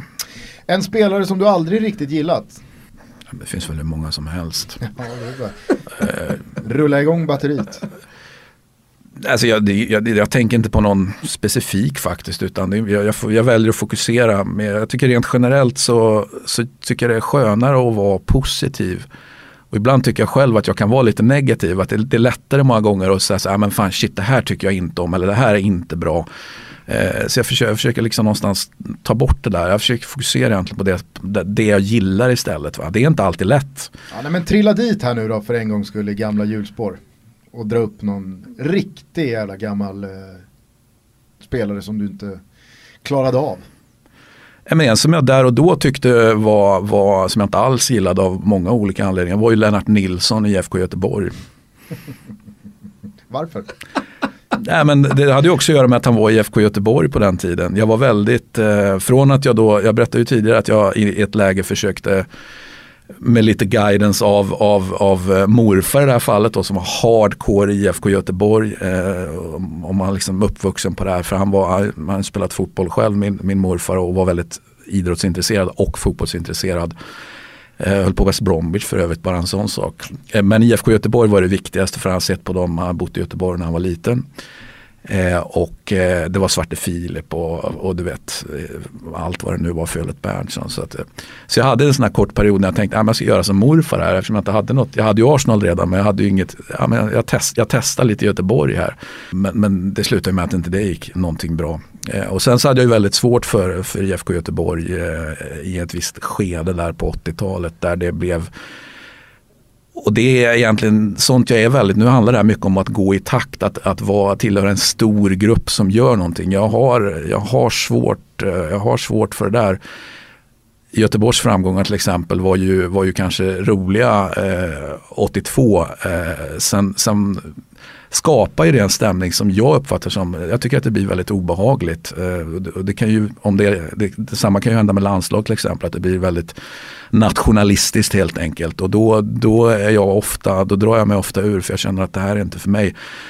För då släpper alla gränser, då säger folk sånt som de egentligen inte tycker eller så visar de sitt, sitt, sitt rätta ansikte. Och eh, det blir en hejaklack på ett sätt som jag, eftersom jag då är uppvuxen i Sverige bevisligen, så, så, så, så man får ta del av de här när en hel nation ska tycka någonting, då, jag tycker att det blir väldigt, väldigt obehagligt. Men fick Lennart Nilsson då klä skott för det här eh, ja, randommässigt eller gjorde han någonting speciellt för att elda på? Nej, jag tyckte väl bara att han var, att han var en oskön anfallare helt enkelt. Liksom. Så, så, så är det. Eh, han, han, han, var väl sur, han var väl sur på någon italienare också i något läge. Det här märk väl är ju inte 82 utan han kom ju senare till till Göteborg. Men jag har sådana här otroligt tydliga minnen som egentligen är ett bevis på att, att vad man reagerar från att, att man som, som alla svenskar gick i bitar 82 eh, det liksom var fantastiskt och, och vad är man då, då? 13 år blir det väl va?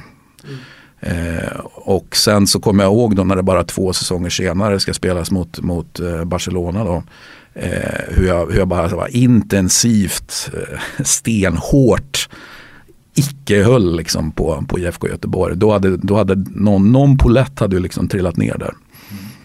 Och tack gode gud för det. Intressen utanför fotboll?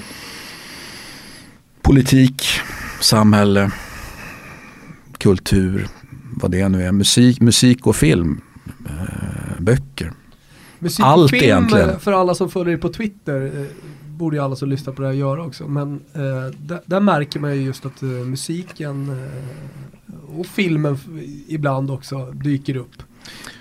Jag, mycket jazz. Mycket jazz, mycket, och det, det, är på ett sätt lite tråkigt. Va? Jag var väldigt, eh, musiken var extremt viktig för mig, är fortfarande viktig men är viktig på ett annat sätt nu när jag var yngre var jag, alltså musik var ju till exempel en bidragande orsak till att jag själv slutade spela fotboll en gång i tiden. Fast andra orsaker också. Men att jag har varit i väldigt, jag slutade spela fotboll då i sexan då. Eh, sen kan man säga här, jag fick glasögon med, det fanns många bidragande orsaker.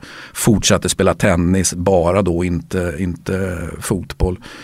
Eh, men musik där och då var, var ju liksom ett superstort intresse. Inte att spela själv vill jag vara tydlig med utan att lyssna på musik. Jag ägnar enormt mycket tid, enormt mycket pengar, enormt mycket kraft så att säga åt musik. Men har, du släpp... lagt mer, har du lagt mer tid på Sensis Roma än på musik? Eller tvärtom? Ja, det är väl så att de här projekten på senare år i fotbollsvärlden som jag har följt, de, det timantalet Sensi och, Sensi och Baldinis Roma, Sean Solianos Varese och Bonaccinis Carpi. Eh, och sen får vi såklart lägga till Lecce här som någon slags overall-projekt. Alltså, jag kan köpa alla de där men inte Bonaccinis Carpi. Ja men eh, det är ett fascinerande projekt på så många olika sätt och vis. Musiken, det vill säga om man nu tyckte Varese där och då. Varese en tydlig högerkurva. Eller hur?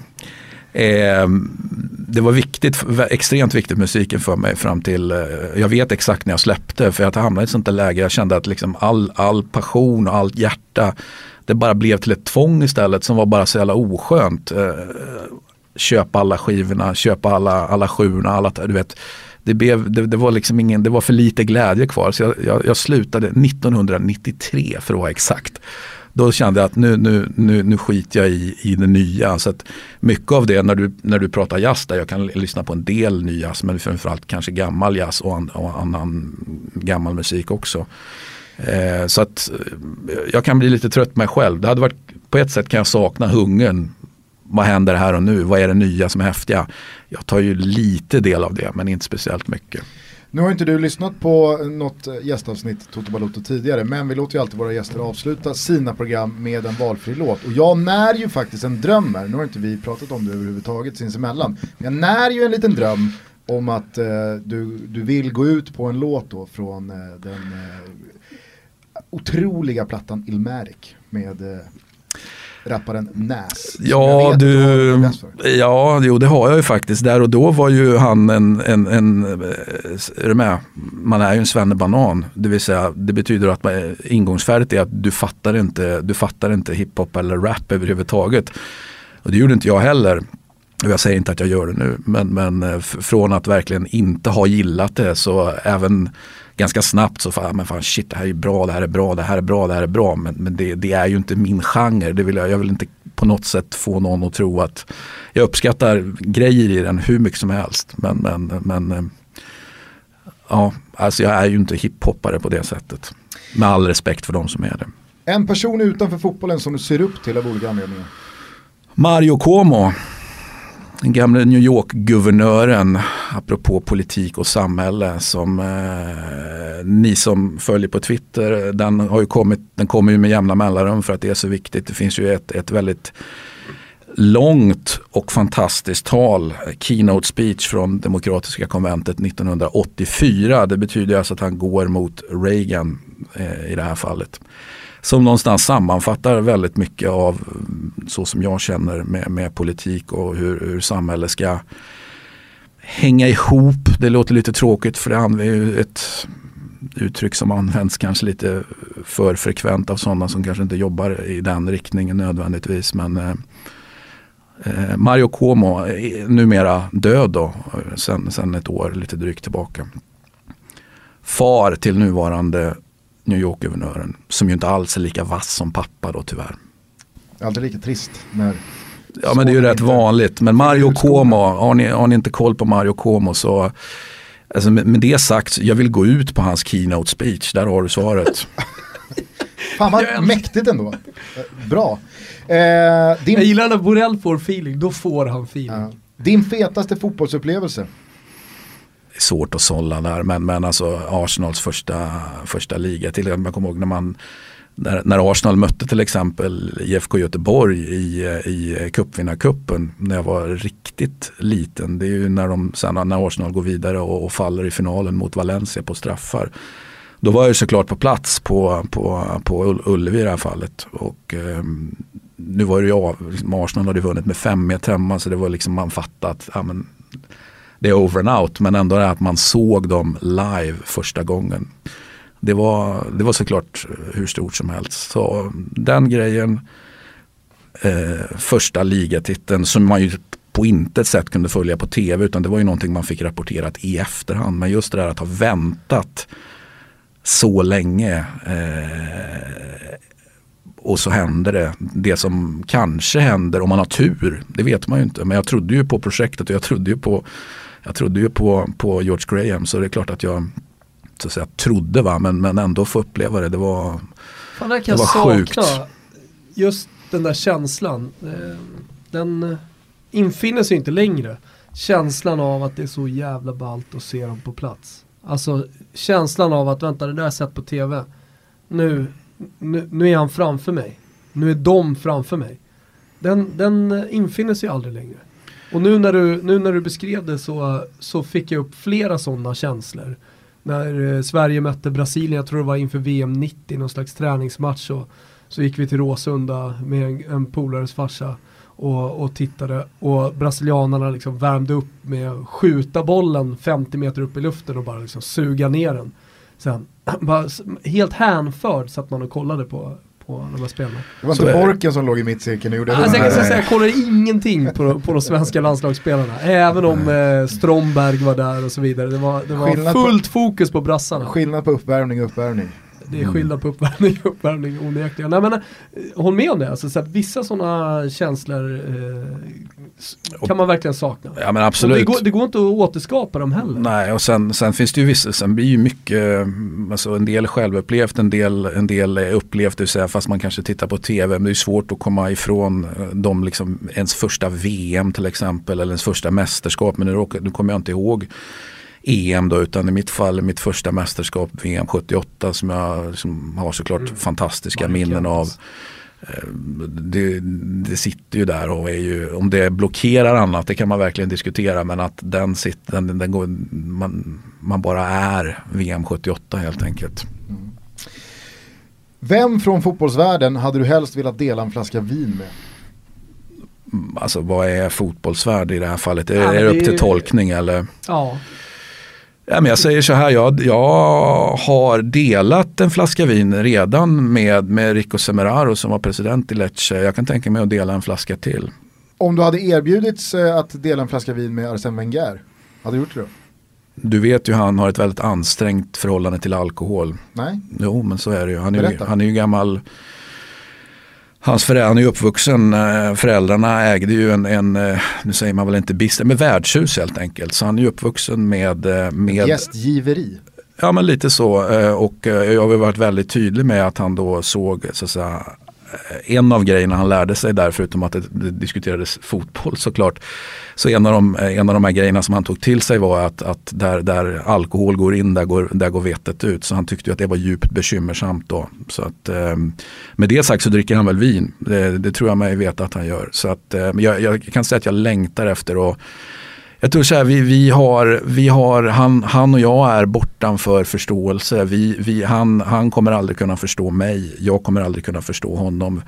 Eh, jag kommer aldrig kunna förstå Erik Hamrén, Erik Hamrén kommer aldrig kunna förstå mig. Alltså det finns vissa sådana där grejer där man bara inser att det här aldrig mötas det två. Va? Och, och tyvärr måste jag väl säga att Wenger då är, har, har blivit det med tiden hur långt är vi att gå ut på, hur långt ifrån är vi att gå ut på Erik Hamréns keynote speech inför svenska folket? Ja, som, som, som, som tur är så behöver vi inte Alltså det, det får ju inte hända då. Så att så långt ifrån är vi. Det, det, är, det är ett para, eh, parallellt universum. Va? Hamrén. Men eh, går det, jag vet att det är förmodligen eh, väldigt svårt att eh, liksom puttra ner eh, tio år, jag vet inte hur många det är, eh, av eh, meningsskiljaktigheter kanske, men går det att på något sätt eh, reducera ner allt du har att säga om Arsene Wenger till ett lite kortare segment?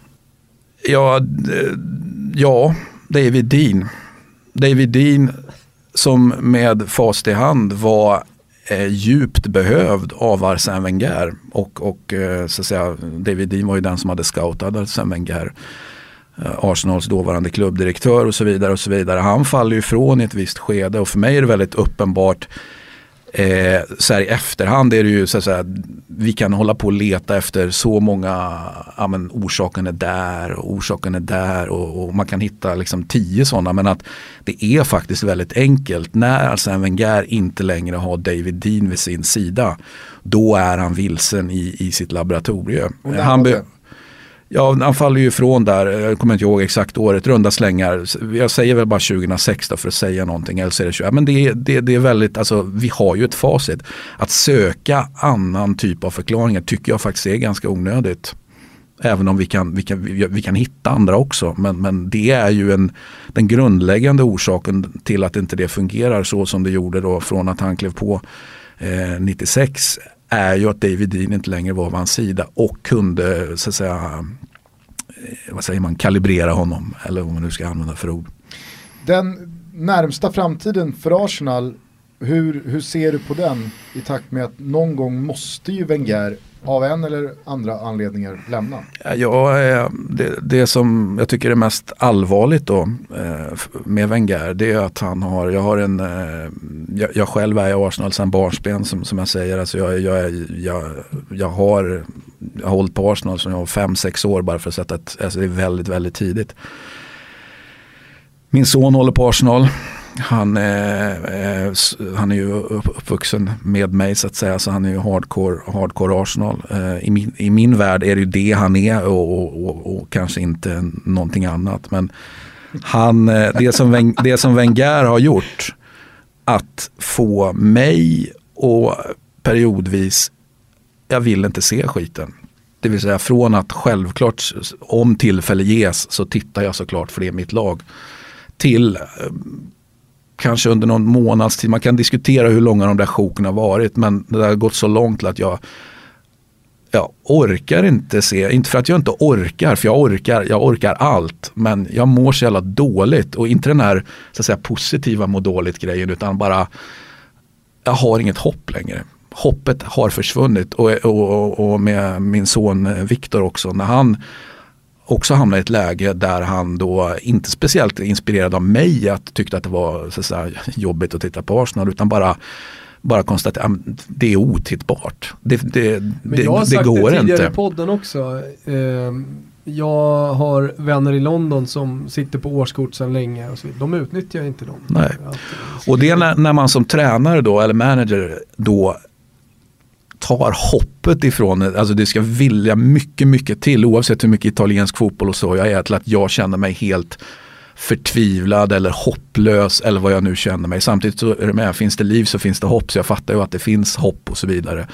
Men att han har fått ner mig på den här nivån och eh, min, min, min eh, Arsenal-supporterson liksom på den här nivån där vi, där vi bara mår skitdåligt över vad han håller på med. Och det, det, är, det är inte, det är inte, det är inte bara en random grej heller utan, utan det är ju noga det är noga genomtänkt. Det är inte så att man, åh oh, fan shit nu, nu gick den här matchen eller nu gick den månaden eller nu gick den säsongen lite illa. Ja men okej, okay, man skiter i det. Det är inte det det handlar om utan det här är ju att, någon, att, att det är en kulturrevolution gone bad skulle jag vilja säga. Hur stor del av problemet är Wenger? Ja, det tråkiga svaret på den frågan är ju förmodligen då att eftersom man har tillåtits hålla på så länge så hur är, nu är vi på politik igen, långa maktinnehav, vad brukar de leda till? Det brukar bli en, en inte helt lycklig revolution av något slag, kanske en kulturrevolution tillbaka.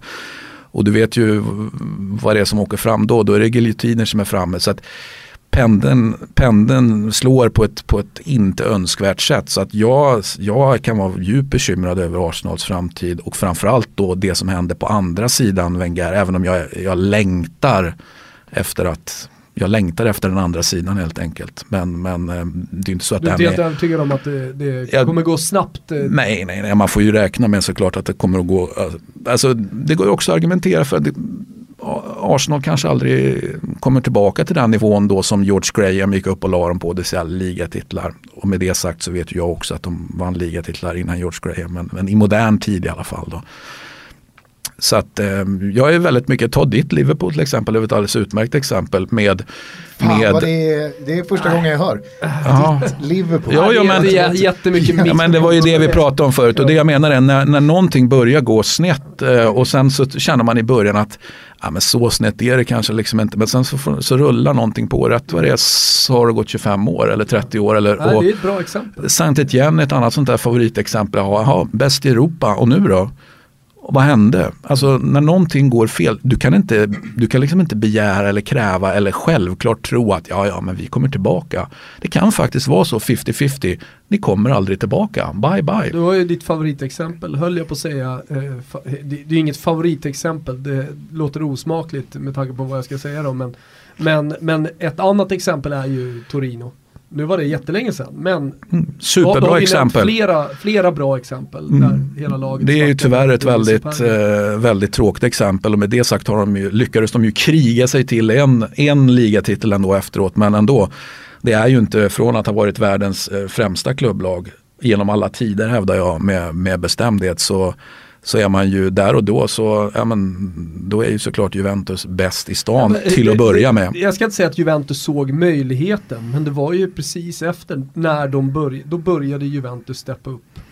Och de tog, eh, alltså de, de började investera i spelare, de var ju tidiga med det också. Mm. Och... Med det sagt hade ju Juventus en framgångstid. De hade ju fem raka i början på, på 30-talet. Så det är inte så att absolut. de inte hade varit framgångsrika. Men det är ändå en ganska lång tid innan. Men om man tittar i ett större perspektiv så är det väldigt uppenbart att när Torino råkade ut för det de gjorde så sakta men säkert så stämpade, steppade så säga, Juventus upp. Om man nu zoomar ut och tittar på många, många decennier helt enkelt så är, så är det den självklara slutsatsen. Och, eh, ja, jag hoppas för gud att Wenger inte är något superga. Det var ju väldigt otrevligt sagt av mig till att börja med men att det inte får samma, samma effekt.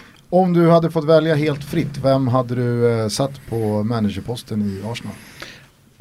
Det är 10 000 kronors fråga var det när jag var liten. Nu är det väl en, en, en miljard fråga kanske men det går egentligen inte riktigt att svara på för att min misstanke är såklart då att klubbledningen är, är eh, ju såklart än mer skyldig.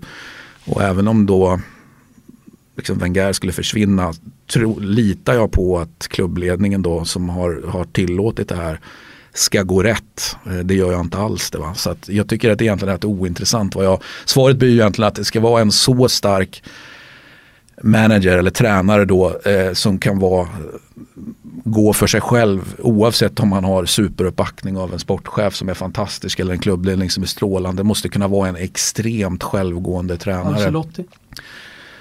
Ah, kanske inte längre. Jag, jag, jag, vet faktiskt inte. Jag tycker, jag tycker det är en jättesvår fråga. Jag, man vet inte riktigt vad Ancelotti går för. Nu, nu har vi ju ett frågetecken. Alltså ja. återigen, han, han är ju sakta men säkert också blivit gammal och nu är det ju Nu finns det ju de som säger att, att dealen sitter till att börja med med Kina här.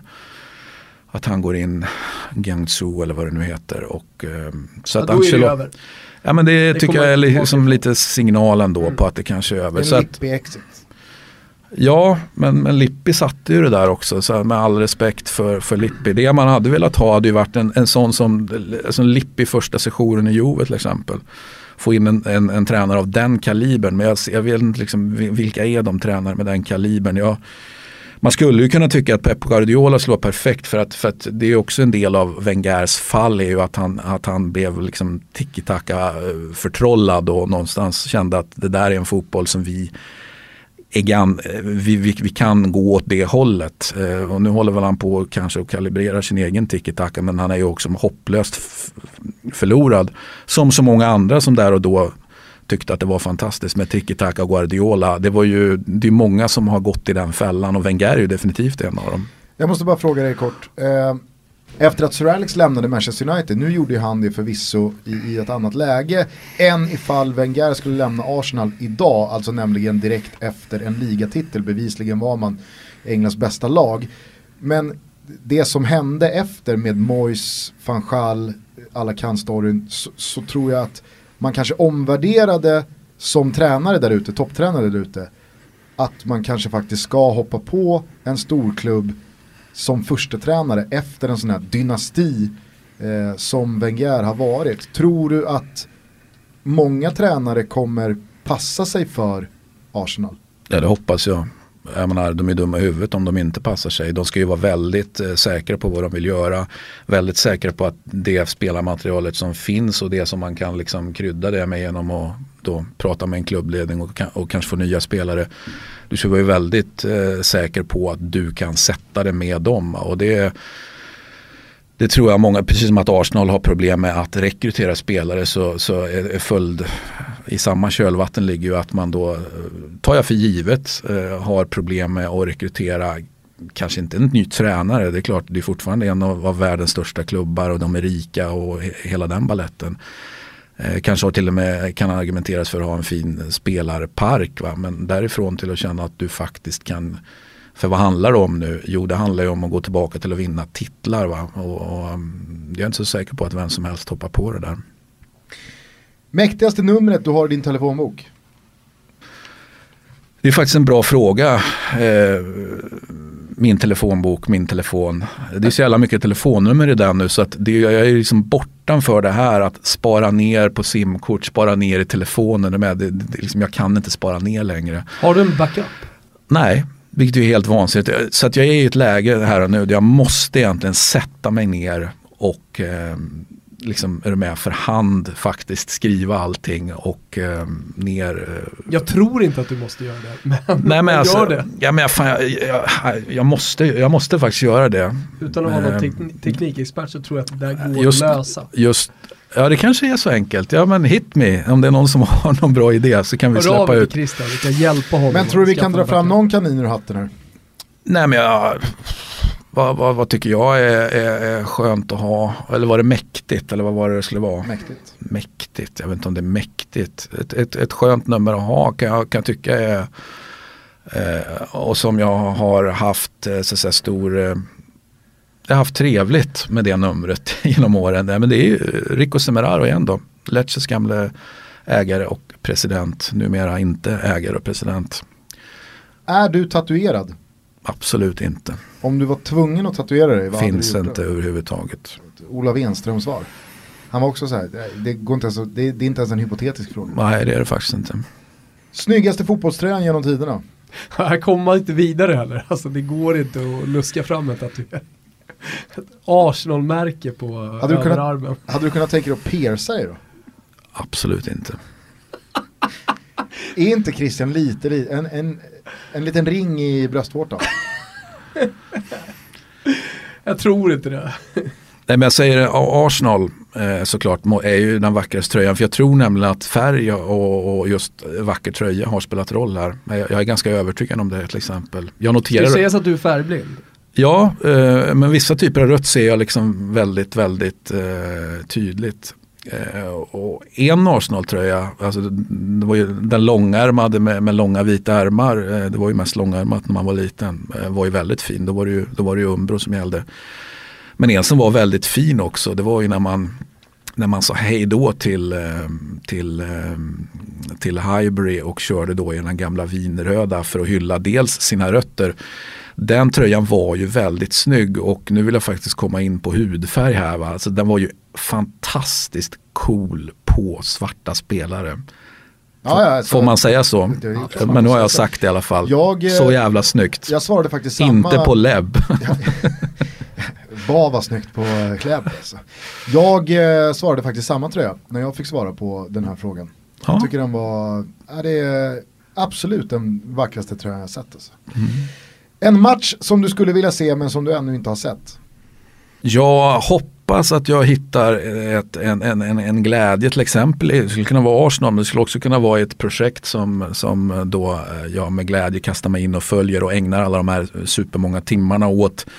Att hitta ett sånt projekt, att kasta sig in i matcher med det projektet. Eh, det skulle jag, det skulle jag tycka var häftigt då va. Och jag ser inte riktigt det projektet nu. Nu har jag ju liksom ett, jag har ett livslångt case med Lecce. Jag kommer följa Lecce tills jag dör väldigt intensivt. Sen kan man alltid säga att det är mer och mi- eh, eller mindre intensivt. Jag följde ju väldigt mycket mer intensivt när jag då, eh, ja, nu, nu säger jag Rico Semeraro en gång till då. Tredje gången i programmet. Eh, så länge familjen Semeraro ägde, då var ju liksom, då, då, jag inser i efterhand att det var likväl som att jag föll för, för Sensi och Baldini och Baldini kanske framförallt i Roma. Så är det egentligen det jag föll för. Det var inte Roma jag föll för. Och det man kan fråga här och nu är ju, var det är det verkligen Lecce jag har fallit för? Eh, alltså rent fotbollsmässigt, stan och mat, mat och annat, det kan jag ju falla för.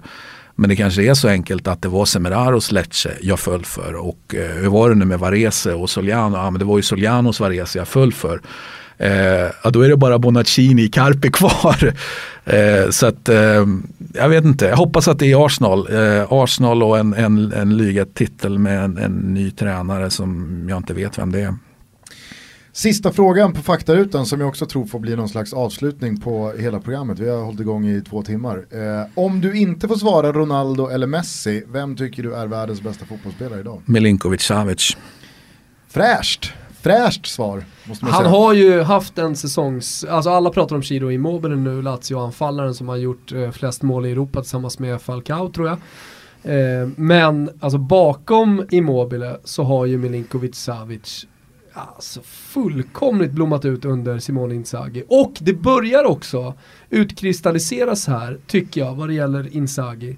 Hans liksom tränargärning, vad är det han gör? Jo, och det, det här älskar jag med, med den här typen av tränare som får ut maximalt av talangen i spelarna. Alltså det, Det är, det är lätt att säga och, och, men det är väldigt, väldigt, väldigt få som faktiskt lyckas på den, den högsta nivån. Och här har du ju nästan en, du kan ju säga att du har en spelartrupp där samtliga spelare mår bra av hans handpåläggning. Jämför då med Wenger till exempel där ingen spelare och då menar jag verkligen det, ingen spelare mår bra av, av handpåläggningen vilket ju är den raka motsatsen. Det känns som att det är ett hands-on-arbete med varje spelare, alltså mm. alltså nästan som utveckling för en ungdomsspelare. Eh, med det sagt så vet vi ju inte hur det här slutar med Simone Det kan ju, vi måste också tänka att det kan gå åt eh, helvete. Dels kan det gå åt helvete för honom om han stannar kvar i Lazio. Det kan också gå åt helvete för var ska han gå från Lazio? Det finns ju bara uppåt och det finns bara Juve.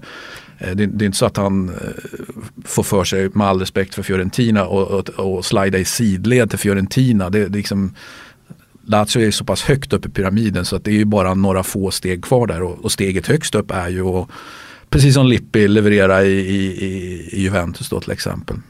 Här har du ju Thomas möjlighet att eh, dra en slags perfect storm av dina två stycken favoritstories. Eh, det är dels då Raggio Di Luna men också då när Sergej Milinkovic Savic eh, besökte Artemi Franki ångrade sig i. Jag tror Christian kom ihåg den också. När han ja. stod i kulverterna på Men Artemi Franki i eh, en riktigt juggig outfit med, med en agent. Men det, Men det som är så ballt med den bilden det är att man ser på Milinkovic att jag, jag har bestämt mig, jag kommer inte gå till den här klubben. Och där inne väntar Pantaleo Corvino och resten av mm. gänget inom sportsliga ledningen på att jag ska skriva på. Det de inte vet, det är att jag om en kvart sitter på Frecciarossan på väg ner till Rom och kommer att signa med Lazio. Man ser det i hela hans ansiktsuttryck på den här bilden. Det är kanske hade, en av de bästa fotbollsbilderna som har tagits. Och vad hade hänt om man hade, med all respekt för Fiorentina, med all respekt för Pantaleo Corvino som ju är eh, inte bara husgud utan, utan eh, allt eh, på ett sätt för mig fotbollsmässigt vad hade hänt om man hade valt Fiorentina? Det är klart som fan att det inte hade sett så här bra ut. Det tror inte jag i alla fall. Och, eh, så det var ju klokt val. Om det då betyder att han är, att han är så klok i hyfsat ung ålder eller om det är som, som med Napoleon och, och generalerna. Liksom att bra general ska ha, eller de bästa generalerna har, det är de som har tur. Va? Eh, nu känns det ju inte som att det bara handlar om tur i, man kan vara född under lycklig stjärna den gode Milinkovic Savic. För så bra som han är nu det var så oändligt länge sedan vi alla såg en fotbollsspelare på den nivån. Jag kan tycka att han är så bra så att det, det är precis som att det inte är sant. Det, det, det, jag hittar inga brister överhuvudtaget. Möjligtvis att det här är en Lidners knäpp och att han, att han har en formtopp. Men den formtoppen är ju i sådana fall, precis som Lazios formtopp, då är ju den sjukt lång. Då, va? Så att med andra ord, han är så här bra. Eh, och det är sjukt att titta på. Det, sånt där ser man ju kanske någon gång per årtionde eller någonting. Så jag, jag sjunger hans lov om och om igen och kommer fortsätta göra det. Om han kommer att fortsätta leverera. Men det, det är jag helt säker på att han kommer att göra. Att det finns ett filosofiskt samtal som skulle kunna bli dynamiskt mellan Alexander Axén och Christian Borell. Verkligen.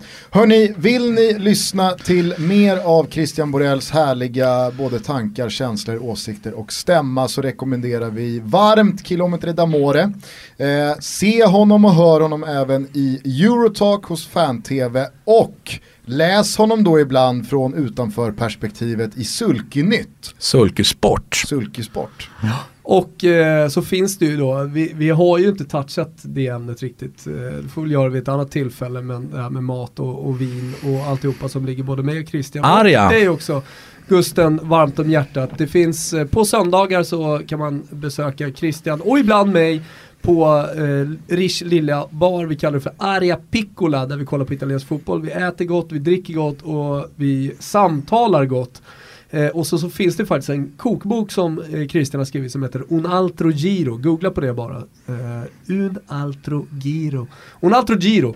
Som jag, jag har haft mycket nöje med. Jag gjorde ett av recepten eh, som grabbarna på Punk Royal hade gjort och gröpte ur en hel jävla Castelmagno-ost.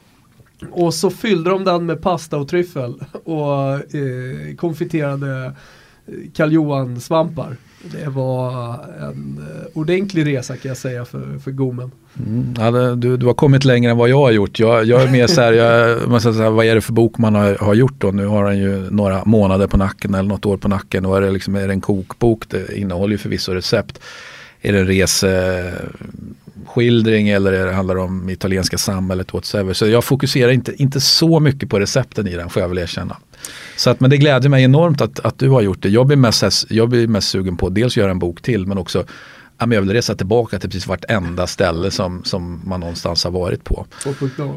Hörni, eh, tack för att ni har lyssnat och stort tack till Christian som kom hit och gästade oss. Tack själv. Nu eh, själva.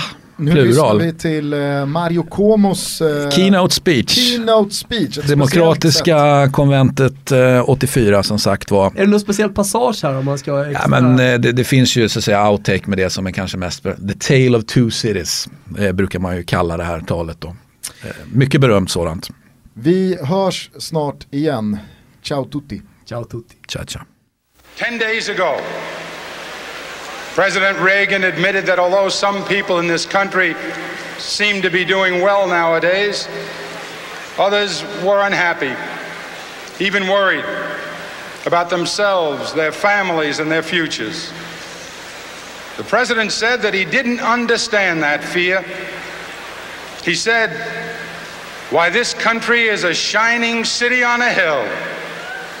And the president is right. In many ways, we are a shining city on a hill. But the hard truth is that not everyone is sharing in this city's splendor and glory. A shining city is perhaps all the president sees from the portico of the White House and the veranda of his ranch, where everyone seems to be doing well. But there's another city. There's another part to the shining city the part where some people can't pay their mortgages, and most young people can't afford one, where students can't afford the education they need, and middle class parents watch the dreams they hold for their children evaporate. In this part of the city, there are more poor than ever, more families in trouble, more and more people who need help but can't find it. Even worse, there are elderly people who tremble in the basements of the houses there. And there are people who sleep in the city streets, in the gutter, where the glitter doesn't show. There are ghettos where thousands of young people without a job or an education give their lives away to drug dealers every day. There is despair, Mr. President, in the faces that you don't see in the places that you don't visit in your shining city. In fact, Mr. President, this is a nation.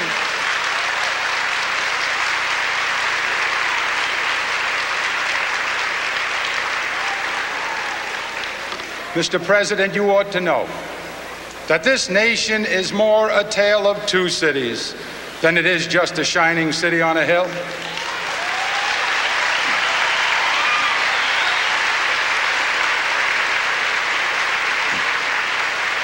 Maybe, maybe, Mr. President, if you visited some more places, maybe if you went to Appalachia where some people still live in sheds, maybe if you went to Lackawanna where thousands of unemployed steel workers wonder why we subsidize foreign steel.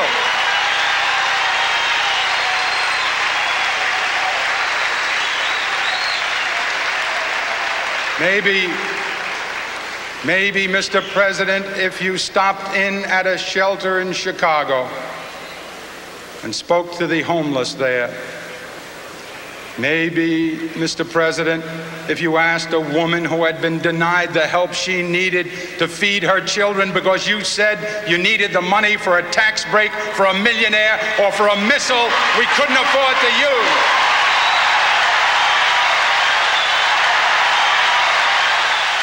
Maybe, Mr. President, but I'm afraid not. Because the truth is, ladies and gentlemen, that this is how we were warned it would be. President Reagan told us from the very beginning that he believed in a kind of social Darwinism, survival of the fittest. Government can't do everything, we were told, so it should settle for taking care of the strong and hope that economic ambition and charity will do the rest. Make the rich richer, and what falls from the table will be enough for the middle class and those who are trying desperately to work their way into the middle class.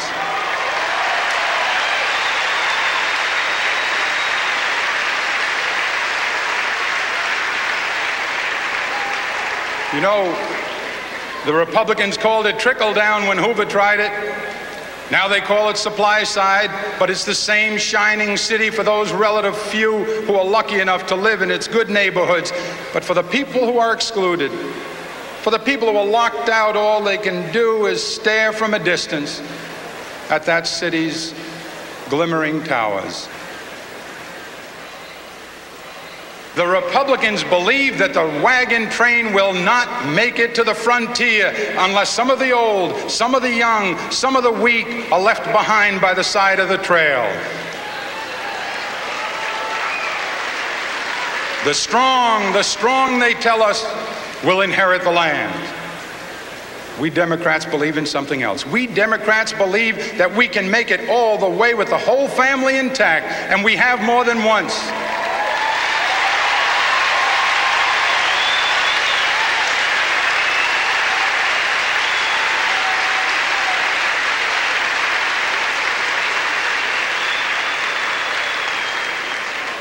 Ever since Franklin Roosevelt lifted himself from his wheelchair to lift this nation from its knees.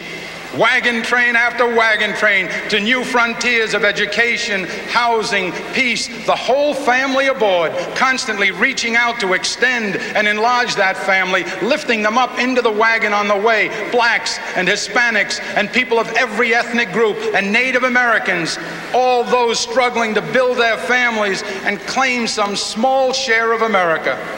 We Democrats must unite. We Democrats must unite so that the entire nation can unite. Because surely the Republicans won't bring this country together. Their policies divide the nation into the lucky and the left out, into the royalty and the rabble. The Republicans are willing to treat that division as victory. They would cut this nation in half into those temporarily better off and those worse off than before, and they would call that division recovery. Now, we Democrats believe we must be the family of America, recognizing that at the heart of the matter we are bound one to another. That the problems of a retired school teacher in Duluth are our problems. That the future of the child, that the future of the child in Buffalo is our future that the struggle of a disabled man in Boston to survive and live decently is our struggle, that the hunger of a woman in Little Rock is our hunger, that the failure anywhere to provide what reasonably we might to avoid pain is our failure. And I ask you now, ladies and gentlemen, brothers and sisters, for the good of all of us, for the love of this great nation, for the family of America, for the love of God, please make this nation remember how futures are built. Thank you and God bless.